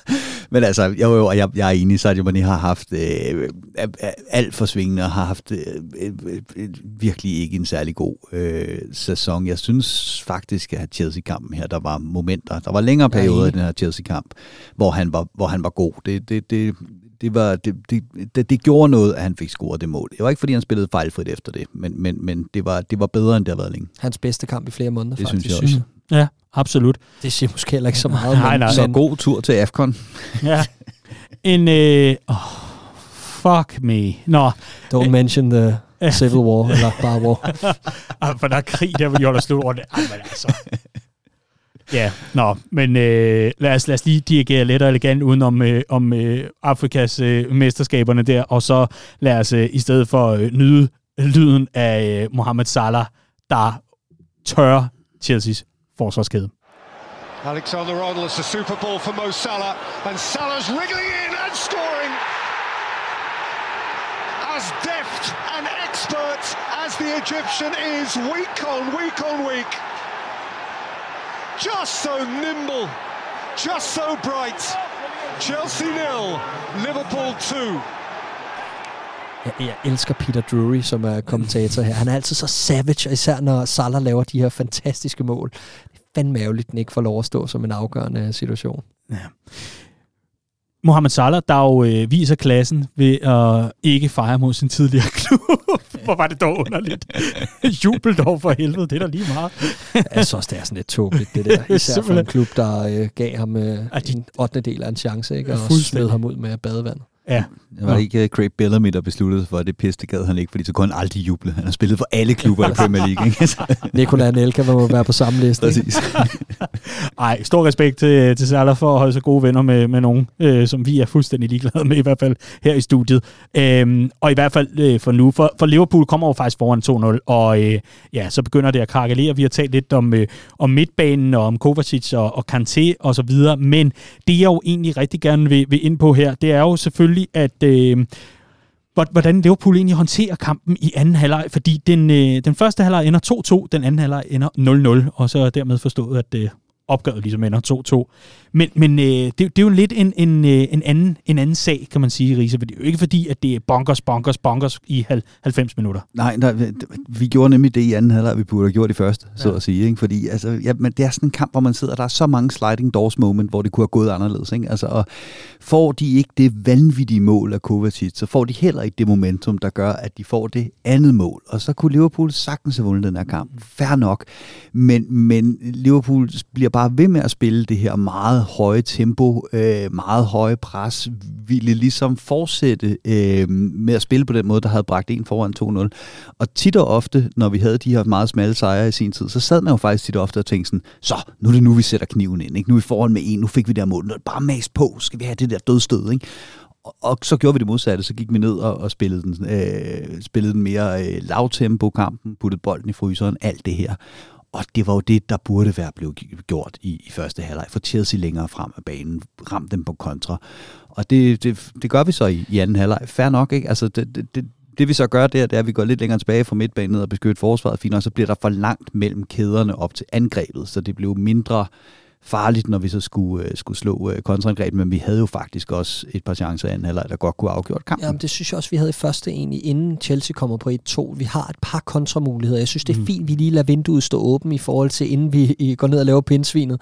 Øh, fordi Chelsea bliver automatisk lukket frem øh, på hjemmebane bagud 0-2. Og der er altså nogle momenter, øh, hvor, øh, hvor, hvor det her vindue som bekendt står åben, hvor det går lidt frem og tilbage, og så slår vi de her kontramuligheder, hvor vi kan lave dødstød. Vi kommer blandt andet 3 mod 1 i en situation, hvor øh, jeg tror, det er Salah, der er ude i en, i en, i en situation, hvor uh, Chaloba ja, ja. er sådan lidt 50-50 om den, ellers så er det game over. Ikke? Øh, og det er der, jeg, jeg sådan i første omgang er ærgerlig over, at vi ikke sætter kniven ind, og efterfølgende, der skal vi jo, som du nævner, lige træde 5-10 meter længere tilbage, holde på bolden, køre den rundt. Og så er det jo, altså i min optik, øh, næsten, ah, det er ikke utilgiveligt, men hold kæft for det dog dumt. James Milners frispark begået ned ved, ved kanten af eget felt. Altså, det er så urutineret, og hvor ser han dog gammel ud i situationen. Ja, ja, han havde faktisk været bedste mand på midtbanen i første halvdel af første halvleg. Ikke? Øh, det var ikke meget, der slap forbi ham. Han står for dybt, fair nok. Siger, så fik han, nej, nej, men han fik lukket den kanal der, som han er inde for at lukke, men, men det rigtigt, så bliver det overtændt, ikke? Og, og så får han lavet et par, par dumme frispark, og så, så går gassen af ballonen, fordi han trods alt uh, fylder 36 dag, og, og tillykke med det. Ikke? Ja, stort og så, tillykke. Her så er der en, en, en anden, som vi ikke har vendt, øh, fordi der er mange, der har sat spørgsmålstegn ved, og det kan jeg godt forstå, for det gjorde igen ingen forskel vores indskiftninger, og slet ikke den at få Ox ind i stedet for Diego Jota. Der må man så spørge sig selv, hvad, hvad vil man med en, øh, en, en, en udskiftning? Øhm, fordi hvis det var fordi, man ville tage den dårligste mand på banen ud, så var det en rigtig udskiftning, fordi Diogo Jota, han øh, hjalp heller ikke Liverpool på noget tidspunkt med at få kontrol på den her kamp. Øh, han ender med at gennemføre 25 pasninger, og det er en gennemført pasningsprocent på 44. Under halvdelen af hans afleveringer lykkes han med i, øh, i, i den her kamp. Hans løb uden bold kan jeg virkelig godt lide, og de var også med til at skabe nogle af de der kontrastød, der kunne have lukket kampen. Det anerkender jeg fuldt ud, men nøj, hvor hang der ikke noget fast på ham. Så kan man så diskutere, når vi så når frem til den står 2-2 midt i anden halvleg, hvad har vi så brug for der? Har vi brug for at have en spiller på banen, der kan afgøre kampen? Så er Shota any day of the week et bedre bud end, øh, end Oxlade Chamberlain. Havde vi brug for at få en af Liverpools dårligste spillere på banen ud, jamen så er det fair nok, at det er Shota, der skal ud der. Ja, ja, en af de dårligste. Øh, jeg synes igen ikke, vi kan se bort fra midtbanen. Jeg smider alle tre under bussen og lige ned under ham i hierarkiet. Men, øh, men, men, men enig, det var, ikke, det var ikke godt nok i forhold til possession for Shota, men han er bare stadig med i alt, hvad der bliver farligt for Liverpool i den kamp, stort set. Øh, og, og jeg bider også mærke i den øh, chance, som ham og Mohamed Salah skaber ud af ingenting øh, i anden halvleg, hvor Salah er tæt på at score for noget, der ligner 35 meter på et, på et chip, hvor han er presset ud i en mærkelig situation. Det er ham og Shota, der bare på ren instinkt og ren awareness mm. skaber det her, skraber den igennem, for skabt en, en, en farlig øh, situation. Det er bare så åbenlyst for mig i, i, i de her seneste uger, at de her to er fremtiden for os. Det er fremtiden for den her Liverpool-offensiv. Det er omkring dem, der skal fornyes. Der er ingen som helst tvivl om. Og derfor ærger det mig også bare, at vi piller ham ud på så alvorligt vigtigt et tidspunkt i den fodboldkamp i forhold til, at der skulle nok komme en halv chance, og han skulle nok være der, Diogo Jota. Jeg er ikke sikker på, at Liverpool havde vundet den her kamp, men, men man sad bare med den fornemmelse, og så kom den jeg var lige ved at bande, og det gør jeg næsten også alligevel, så kom den forbandede situation sat med på en omstilling efter en klassisk Liverpool-situation efter et hjørnespark til sidst, hvor den bliver slået op i fødderne på Oxlade Chamberlain, og så er der bare motorvej ned mod det her Chelsea-mål. Hvad mangler han? Mangler han seriøst halvanden centimeter fra at tæmme den bold. Jeg kan ikke huske, hvornår jeg sidst har været så frustreret. Og du ved bare, at Shota havde taget den med på en første berøring, og så var muligheden der, ikke? Og det er det, der irriterer mig. Men jeg tror også, vi er nødt til at zoome ud og tænke, hvorfor gør trænerstaben det? Og det er jo ikke, fordi de tænker, at vi har bedre muligheder for at, øh, at, at vinde den her kamp, eller nødvendigvis at dæmme op med Oxlade Chamberlain på banen. Jeg tror også, det handler om workload. Vi kunne ja, ja. ikke tåle, at Diogo Shota efter det her juleprogram rent ind i en, øh, i en baglovsskade eller et eller andet. Vi spiller topkamp mod Chelsea. Ja, men, vi har mulighed for, for at få et resultat yes. med. Det er simpelthen ikke godt nok. Yes, det er og der, simpelthen og der ikke tror godt jeg, Og der tror jeg simpelthen, man sidder fra, øh, fra trænerstaben og tænker, øh, du har potentielt en hel januar, halv februar måned, hvor du sidste år manglede Shota. Skulle du også gøre det nu, fordi du lige kørte ham død i 20 minutter, eller øh, altså for at jagte potentielt to point ekstra? Forstå mig ret, jeg tror, det er, jeg tror, det er en opvejning af, hvad, hvad, hvad, hvad han kunne tåle i den her situation fysisk. Muligvis.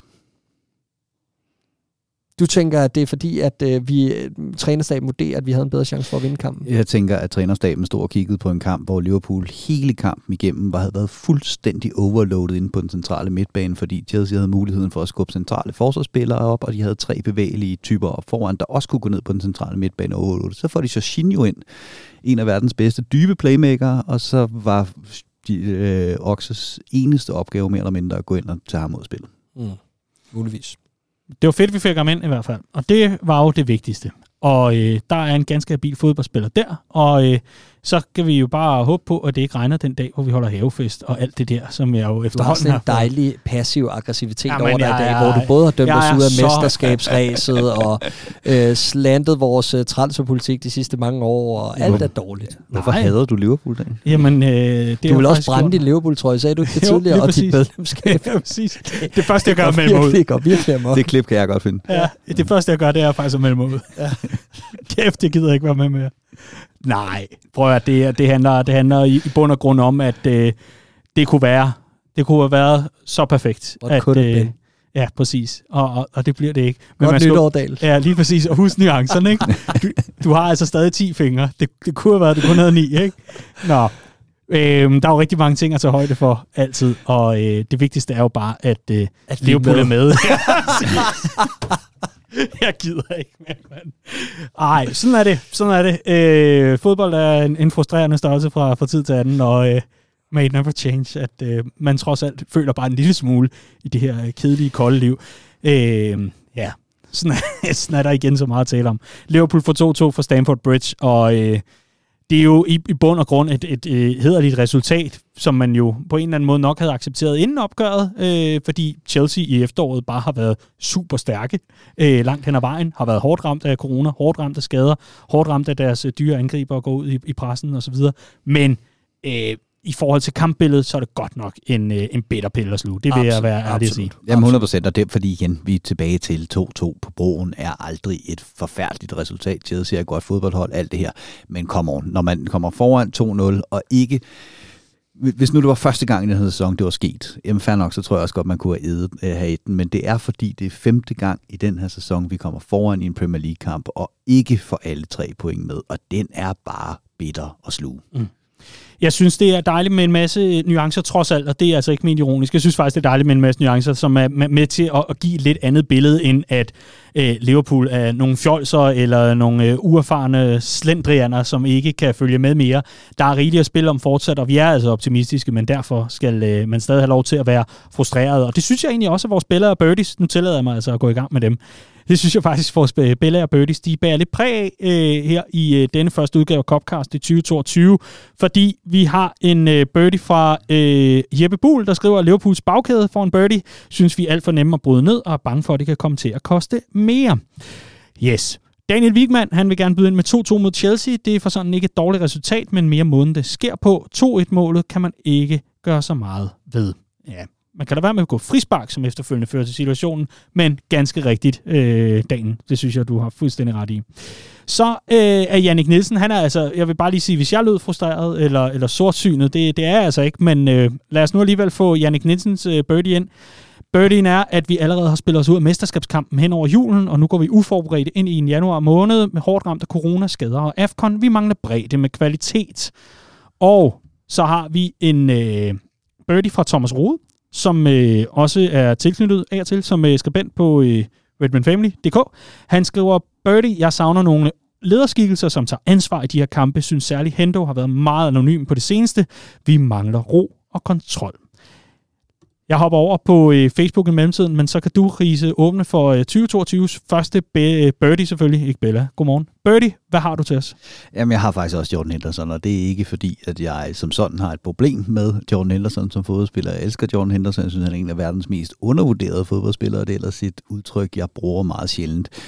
Men når vi snakker om den her midtbane, hvor presset bare ikke sidder lige i skabet, så kan man bare ikke komme udenom, at øh, da Liverpool var aller, allerbedst, der var Jordan Henderson pres-triggeren. Det har altid været ham, der satte det pres i gang, og han ligner ikke en, der stoler på sin egen hurtighed lige i øjeblikket. Han tør simpelthen ikke presse højt, og derfor tør han heller ikke få resten af midtbanen med frem i, øh, i presset. Øh, og jeg synes, det, det, det, det er en meget sigende situation øh, ved, øh, ved, øh, ved 2-2-målet, hvor vi, man jo et eller andet sted sidder og tænker, åh, vi er foran på broen, hvorfor skal vores centrale forsvarsspiller op og presse en central midtbanespiller, som kun er til kommer til at gøre på, øh, på karantæ. Øh, og i ryggen på, øh, på, på Konaté, der løber så Pulisic, som Henderson har. Altså han dækker ham, og så stopper han op for at smide offside-armen i vejret på et tidspunkt, hvor der er 0% offside. Og det er, fordi han ved, at han allerede har tabt den, øh, den løbeduel. Øh, vi har virkelig, virkelig, virkelig brug for, at han finder noget form. Vi har lige Nikolaj Bøhus og lige et par andre øh, birdies. Det er fordi, vi har fået så mange gode bud ind, så vi kan lige så godt få fyret af, nu hvor vi har siddet og sludret i, i hvert fald i en time og 19 minutter. Hold nu op. Det bliver en af de, en af de lange, så er der sikkert øh, lytterklager over det. Nå, vi har Nikolaj Bøgehus på Twitter, der skriver, Birdie, vores indskri- øh, indskiftede bidrager bare ikke længere. De har desværre ikke x-faktor, med mindre manden hedder Divok Origi. der er en scoring fra, øh, fra Wolves, der stadigvæk øh, hænger ved der. Og så har vi en, øh, en birdie, som er fra det, det, det, det. Morten Groth her, der var den. Vores exceptionelt sløsede afslutninger mod Leicester. Schmeichel har været omdrejningspunktet for en debat om målmandsrokade i Leicester i denne sæson, men vores sløsede offensiv fik gjort ham til man of the match. How the F-ordet. Ja, så langt så godt. Clark, birdie. Lad os få det overstået. Ah, ja, jamen lad os det. Øh, jeg er nødt til at gå med, øh, med, med den her midtbane, som, som for mig er blevet fuldstændig gennemtæsket i, i, i debatten i dag. Øh, men at vi stadig ruder efter den, øh, den, den foretrukne midtbanekonstellation, og i særdeleshed de rigtige roller til denne her Liverpool midtbane, synes jeg simpelthen er ved at blive for stort et problem så langt inde i Jürgen Klopps tid i klubben. Det burde have været løst for længe siden. Jeg forstår alle forklaringerne. Øh, jeg forstår, at man har prøvet at løse denne her med den tredje mand på midtbanen øh, rigtig, i, i rigtig mange sæsoner. Øh, først med Keita, eller først med Chamberlain, så med Keita, øh, senest med Harvey Elliott. Nu synes jeg bare, at den har fået det twist, at vi er gået tilbage til, at nu skal vi også have løst anden manden. Nu er det som om, vi mangler to ud af tre mand på midtbanen. Mm. Og det er øh, bekymrende, synes jeg. Øh, og det er jo derfor, at øh, både Riese og jeg, og øh, sikkert også rigtig, rigtig, rigtig mange andre sidder og råber og skriger på, at der skal, der skal hentes en, en, en, en søjlespiller, ja, og der er også Daniel, øh, øh, til, til den her midtbane og, og senest til sommer. Så det, øh, det bekymrer mig lidt. Mm. Ja, jeg tror faktisk, der er grobund for, hvis ikke noget mere skriveri, så i hvert fald mere debat i uh, Copcast-regi omkring øh, rekruttering og alt muligt andet. Nu ved vi jo ikke om Liverpools kampe her, øh, både, øh, jeg vil lige vil sige AFCON, FA hedder det, og, øh, og Carabao Cup, om øh, vi er så hårdt ramt coronamæssigt, at der nærmest ikke er noget bold at tale om i næste uge, så kunne man jo passende tage det op i forhold til sådan en, en lille transfer special. Who knows? Det kan også være, at vi laver lidt ekstra øh, lige ved siden af. Vi er... Øh, toptændte og klar til en ny sæson på lyd også, så øh, må ikke der kommer noget i den dur. Og det er fedt ikke, når den her podcast udkommer, så har Liverpool ude at signe tre midtbanespillere. Prøv at ved du hvad, så, så vil jeg blive... Så den udkommer først næste sommer. Det er så vildt. Klassisk januar-vindue, ja. mand. Bang, bang, bang, sagde det. Sådan. Øh, ja, og Leighton Clarkson er den ene. Vi har Bellager. Har vi Elliot tilbage fra skade den anden. Ja, vi har øh, Bellager, og øh, her tager vi altså lige en, øh, en fra Thomas Rode igen, øh, og det er altså ikke fordi, at vi, øh, vi fremhæver nogen frem for andre, men det er mest fordi, det er noget, der øh, er rigtig meget din pointe, Riese, tænker jeg. For han vil gerne have en Bella, der lyder, at Kelleher's målmands egenskaber heldigvis er væsentligt bedre end hans evne til at gro et ordentligt skæg. det har jo været din store kæphest. Han, han ligner bare ikke en professionel fodboldspiller. Det gør han simpelthen bare ikke. Jeg kan godt lide ham. Han, og han er fandme dygtig. Vi har slet ikke fået snakket om, hvor god han var i den kamp. Nej, det har vi ikke. Øh, jeg synes virkelig, at det er som om, han bliver bedre og bedre for hver gang, vi ser ham i øjeblikket. Øh, var også super afgørende i denne her straffesparkskonkurrence mod, øh, mod Leicester, og også før det i den kamp, er han inde og lave vitale indgreb. Jeg synes virkelig, at han er en dygtig anden keeper. Og hvor længe siden er det, man har siddet som Liverpool-fan og tænkt, man er tryg ved klubbens anden keeper? Jamen også... helt, helt seriøst, det er 20 år øh, hvor, hvor jeg ikke rigtig kan huske, at jeg har siddet og været tryg på noget tidspunkt, ved at have en anden keeper, der er dygtig nok. Nå, jeg husker der en, der sagde, at Adrian var... Jeg skulle lige til at Og ved du, hvad jeg husker? At han tog fejl. okay, no. øh, nej, og det, jeg synes, der er endnu mere fantastisk ved det, det er, at det, det, det, han, han er jo Allison Light. Altså, den, den øh, han er nede og snå for fødderne af Pulisic, det er en Allison Classic. Den måde, han spiller med fødderne på, ja. var Allison Classic. Og det er altså en vanvittig svær måde at stå på mål på. Både at kunne det, og så samtidig kunne tage bolde inde på stregen. Ikke? Altså, øh, så, så at man, man på den måde kan, øh, kan have to keeper, der er så dygtige og komplette på én gang. Det er altså det er vildt nok. Men vi er enige om, at de skal til at skifte de rør i solcentret på, på det nye ombyggede training center, Axer Kirkby-style der. Hold op, hvor han bleg. Jeg tror slet ikke, han må komme ind i solcentret. Altså, det er... Det, nej, nej. nej, det er helt sikkert. Nå, Øh, Sagen Luti, han øh, skriver, øh, Bella, godt tidspunkt at gå efter begge kopturneringer og Champions League, der skal sølvtøj ind i denne sæson. Yes. I like it. Jeg kan rigtig godt lide det. Daniel Wiemann igen, men igen har det også noget med dig, Risa, at gøre, fordi han skriver, New Year, New FM Season. Ah, ja. Kæft, vi glæder os, Riese. Så tror jeg ellers, at vi har lagt op til øh, den helt store FM-special, som du har i øh, din helt egen podcast ved siden af. Laver du ikke din egen podcast i den slags nu? Det kan jeg sagtens. Det kan jeg sagtens. Ah, var det godt. Ja. Var det godt. Men du må kort få lov til at fortælle, har du startet en ny? Jeg har startet en, øh, en enkelt gemmer med uh, MTK Budapest. Um, ja, jeg har kommet et par sæsoner ind, har fået uh, Mads Roerslev til fra, på, på højre bak, og Daniel Liversen på, uh, på kassen. Det ser godt ud. For helvede. Gode, gode valg, vil jeg ja, sige. Ja, ja, ja. Det er... Jeg var lige ved. Jeg var, jeg var millimeter fra at kunne signe Nat Phillips. Det kommer. Okay. Alt godt kommer til den, der venter.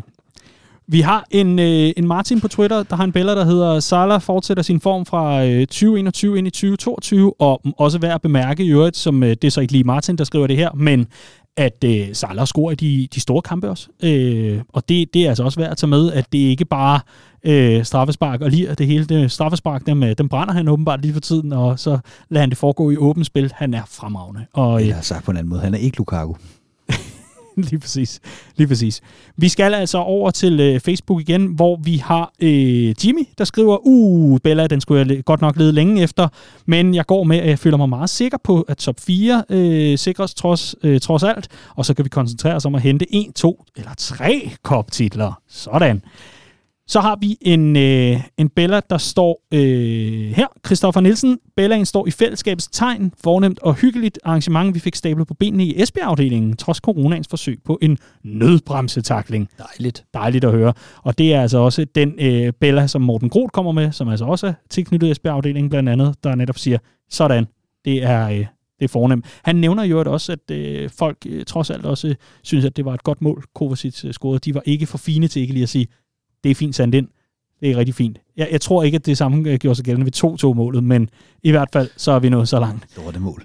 Ja, det var det også. Han ramte også skævt og mål. Det var sikkert ikke med vilje. Han prøvede at aflevere. Nå, Riese, øh, har du en billede til os? Det har jeg. Øh, jeg synes, at denne uge spiller, det er, at man har fået gang i det her safe standing på øh, de engelske stadions langt om længe, og jeg ved godt, det er et umtåligt øh, emne, også med Liverpools historie taget i betragtning, alt det her.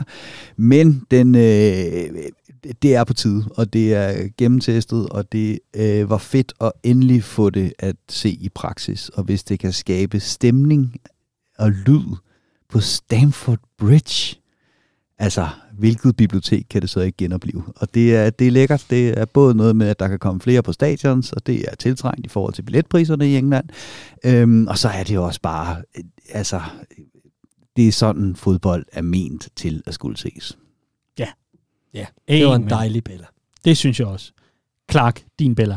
Det er derfor, du altid skal tage mig først, fordi nu kommer jeg til at virke som sådan en spade. Sådan en, der vælger sådan noget lavpraktisk lort. Mm, nej, men det er Riese synger. ja, så, ikke? så er den over til mig. Og jeg siger, apropos Esbjerg, Kostas Timikas. Sådan.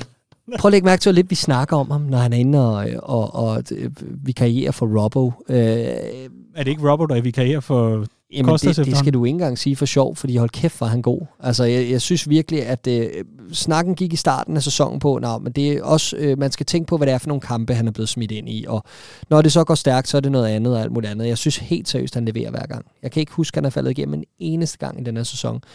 Øh, jeg synes mod Chelsea viste han øh, rigtig meget af det, vi får fra Robbo, nemlig det her mentale overskud til, at selv til sidst i kampen, han har sådan en, en duel nede, øh, nede langs baglinjen, nede langs sidelinjen, nede ved baglinjen, øh, hos, øh, eller i Chelseas øh, højre forsvarsside, hvor at, er det Mason Mount, der er nede for at dække ham af og, og, og prøve at være den smarte i situationer, hvor Timikas han bare fighter sig ind på den rigtige side. Han viser fysik, han viser god timing, han viser øh, øh, højintens energi eller Robbo, og så er hans indlæg bare fantastiske. Hans offensive output har ikke været lige så godt for nylig, men vi har mere haft brug for det andet, øh, og, og der, der synes jeg virkelig, han har bestået testen. Mm. Øh, vi snakker om i starten af sæsonen, det er, det er nu, han skal bevise, om han er sådan en, der, der bare har for at dække ind en sæson eller to, og så skal han videre, eller om, om han faktisk kan blive sådan en kultfigur i, i Liverpool og og jeg er helt overbevist om det sidste. Mm. Uh, han kommer til at spille Liverpool i mange år for Og han er virkelig overrasket mig på det defensiv, for vi snakkede også om, at han godt kunne være sådan en Alberto Moreno-type, ja. og det kunne vi godt leve med som anden valg. Ikke? Altså, så skulle han bare ikke have de svære kampe, hvor vi skulle ned og stå for meget og dække op. Uh, så kunne vi godt leve med sådan en eller anden flyvsk type, der mm. kunne slå nogle indlæg han er god defensivt. De fik ham slet ikke testet, Chelsea. Den eneste gang, de kom bagom i, i, i den tid for alvor, det var, da James Miller var nede og gør som alle vores rutinerede øh, midtbanespillere, øh, læs Thiago, også gør, øh, laver de her øh, frispark, som var de 17-årige. Ja. Det kan altså ske for selv den øh, gamle garde, og lige om lidt har vi rundt fødselsdag i øvrigt, her ved, ved bordet. Ej, er du klar? Hvad for noget? Hvad fylder du? Jeg er blevet så gammel, jeg ikke kan huske, hvor mange år jeg er. Nå. Okay. Det er et stort år jo. Er det ikke noget med, at du får 82? Det er rigtigt jo. Jo, super. Så, så lader vi den bare stå der. Men det er snart, og det skal vi fejre. Min Bella i denne første udgave af Copcast i 2022, den går til året, der kommer. Fordi jeg glæder mig simpelthen så meget. Var man lidt i tvivl i forhold til øh, frustrationerne over opgøret og generelt her den seneste tid, hvor, hvor Liverpool øh, rekrutteringsmæssigt, såvel som øh, formmæssigt, såvel som øh, altså manglende rutinemæssigt, ikke lige har leveret på, hvad jeg havde håbet, jamen øh, så synes jeg altså trods alt, der er, der er meget at holde øje med, fordi det, det går faktisk overordnet ganske udmærket. Det er ikke det, men det kunne godt gå bedre. Jeg tror, at øh, 2022 bliver et øh, forløsningsår på mange områder. Jeg tror forhåbentlig, at, øh, at vi får løst nogle af de sådan, langsigtede udfordringer. Forhåbentlig får vi snart en, øh, en forlængelse i hus med Mohamed Salah, verdens bedste fodboldspiller, øh, as we speak. Øh, jeg håber i hvert fald, at den, den snart lander, og i det hele taget tror jeg faktisk, at vi begynder at se konturerne til det næste skridt, vi skal tage, fordi jeg synes godt nok, det er sådan lidt noget mellem blød mellemvare, vi, vi har gang i de her år. Og jeg tror faktisk, at det om ikke andet så i hvert fald til sommer, at vi begynder at se konturerne til et fremtidens Liverpool, og der, hvor vi måske kan være lidt rolige i sjælen over, at en eller anden dag, så øh, smutter klop, men at vi trods alt kan se fremad. Og jeg glæder mig bare så meget til nyår, og sammen med jer, og sammen med lytterne, til øh, meget mere Liverpool-nørderi. Hold kæft, vi er kommet langt når vi kan sidde og omtale det, der sker i Liverpool lige nu som blød mellem Jeg tænkte det samme. Det. Ja. ja, men det synes jeg altså, der er i de her år, må jeg være, være ærlig at sige. Fordi et uh, Liverpool-hold for mig, det vinder trofæer. Og uh, ja, vi er og på kurs med en masse flere måneder siden sidst. Men det er det da. Ja. Det er det, helt seriøst. Ja, det er en halvanden sæson siden. Ja, ja, men øh, det kommer også lidt an på... Øh, jeg, jeg tror måske, der sidder en lytter eller to, og nu skal jeg jo passe på, hvad jeg siger, fordi jeg er selv fra, øh, fra starten af 90'erne, men der, der sidder trods alt nogle lytter, der godt kan huske de gode tider, hvor det var hver sæson, at der skulle sølvtøj på bordet, og hvor at man måske nu kigger lidt på øh, nutidens situation og tænker, ja, ja, det er også rigtig fint, og skader og nuancer og, og corona osv. Stik mig det trofæ, det var fandme det, jeg var vant til dengang. Så, I don't know. Det var det, jo dengang Liverpool var købeklubben, ikke? jeg tror måske, der er nogen, der tænker, lad os blive det igen, we don't care. det kunne altså godt være. Ja. Men, du, men du har fat i en pointe, Daniel, fordi man skal, man skal smide, mens jernet er varmt, og ja. i, i, de, i de her tider, altså, hvor vi har Jürgen Klopp, og vi har et fantastisk fodboldhold, så det er jo nu, der skal høstes. Øh, så jeg kan sagtens forstå det. Øh, vi er bare op mod nogle, nogle helt sindssyge øh, oliestater og øh, super rige øh, fodboldklubber, som, som gør konkurrencen umådeligt svær. Det gør den da. Og nok om Newcastle, det bliver altså først øh, senere, vi, vi tager fat om dem. Men inden da, så øh, er der i hvert fald lige her kort en... Vi kan jo ikke rigtig lave optagter, fordi vi ved ikke i talende stund, om kampene overhovedet bliver afviklet. Men vi glæder os til at se, hvad Liverpool gør i forhold til det her Cup Run. Øh, meget lader os til, at det endnu er for tidligt, at Jürgen Klopp står ved sidelinjen, tror jeg, i forhold til hans øh, coronaudbrud. Så, øh, eller det kan, det kan han ikke. Så der er, der er altså Pep Linders øh, og Klopp Jam øh, endnu en gang. Det var meget sødt, han prøvede at lege Klopp ude på sidelinjen. Du sige, man kunne ikke se forskel, vel? han var sød ude på sidelinjen. Han var god. Jeg synes, jeg, jeg synes ikke, ja, der var så meget. Det var fint. Nej. Gode indskiftninger. Ja. Men, og så er det sjovt... Tror, tror du, han bestemte det? det er sjovt, at Tuchel prøver at lege Klopp. Det kan han ikke finde ud af. Nej, kan altså ikke. nej, ikke når man sveder gennem dunjakken. Det er sygt, det er. Det er så vildt. Hvordan kan man svede gennem dunjakken? Har du prøvet det, Ries? Øh, øh, øh, øh, skal jeg tænke, hvornår jeg sidst havde en dunjak på. Øh, det tror jeg, før jeg prøvede at svede. Så det. okay, fair pointe.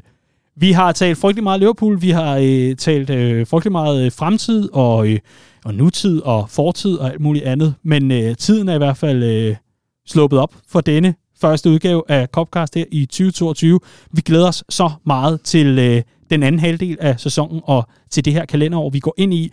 Og det er altså et kalenderår, hvor vi øh, ser ind i øh, flere arrangementer og events på dansk grund. Vi tør altså godt sige, at, øh, at de her øh, restriktioner og nedlukninger, it's not forever. Vi, vi tror på, at det verden åbner op igen, og vi, vi tror på, at det kan lade sig gøre. Det, øh, det må og skal vi kunne tro på. I hvert fald så håber vi, at øh, du i mellemtiden, der har lyttet med, tænker, det der Liverpool og Redman Family og det hele, det er noget for mig. Det kunne jeg godt tænke mig at blive en del af. Redmanfamily.dk er stedet, hvor du kan klikke ind, så kan du blive medlem, og det kan du blive fra bare 25 kroner om måneden. Og lige om lidt, så fjerner vi i øvrigt den øh, 6 måneders spænding, der er på månedsmedlemskabet, sådan så at øh, du altså ikke hænger på den. Du kan øh, løbe skrigende bort, ligesom mig, når det begynder at gå rigtig dårligt for dårlige Liverpool, ikke, Grise? Jo, jo. Jo, jo. Og du er klar med mere datahjørnet i det nye år sammen med Christian Rønsholdt? Det er i hvert fald. Jeg synes, man skal gå ind på redmanfamily.dk og tjekke, hvad der ligger af artikler og vores øh, løbende dækning om, øh, om Liverpool. Det er øh, frit tilgængeligt for alle, men er du medlem, så kan du klappe dig selv på skulderen, for det er dig, der har mest ret til at læse det, og det er dig, der gør det muligt for alle de andre nasserøve at læse med, selvom de slet ikke er medlem. Go you! Go you. Clark, har du en, en, en sidste besked til, til lytter og andet godt folk? Nej, jeg vil bare sige amen, Ries. Sådan, så har vi også fået kaldt folk nasserøv. Vi er i gang med 2022, og vi har skudt uh, gang i en, uh, en ny omgang uh, Copcast. Det her, det er øh, vores podcast produceret for Redman Family. Vi er super glade for alle, der lytter med. Det kan du altså gøre alle de steder, hvor du lytter til podcasts. Og hvis du nu er typen, der går ind på hjemmesiden eller i appen for at høre udsendelserne, det behøver du altså ikke. Du kan også bare tage den direkte i Spotify, du kan tage den i Google Podcast, Apple Podcast, Podimo og meget, meget mere. Det burde altså være til at finde trods alt. Tak fordi du lyttede med til denne første udgave. Vi høres ved i næste uge.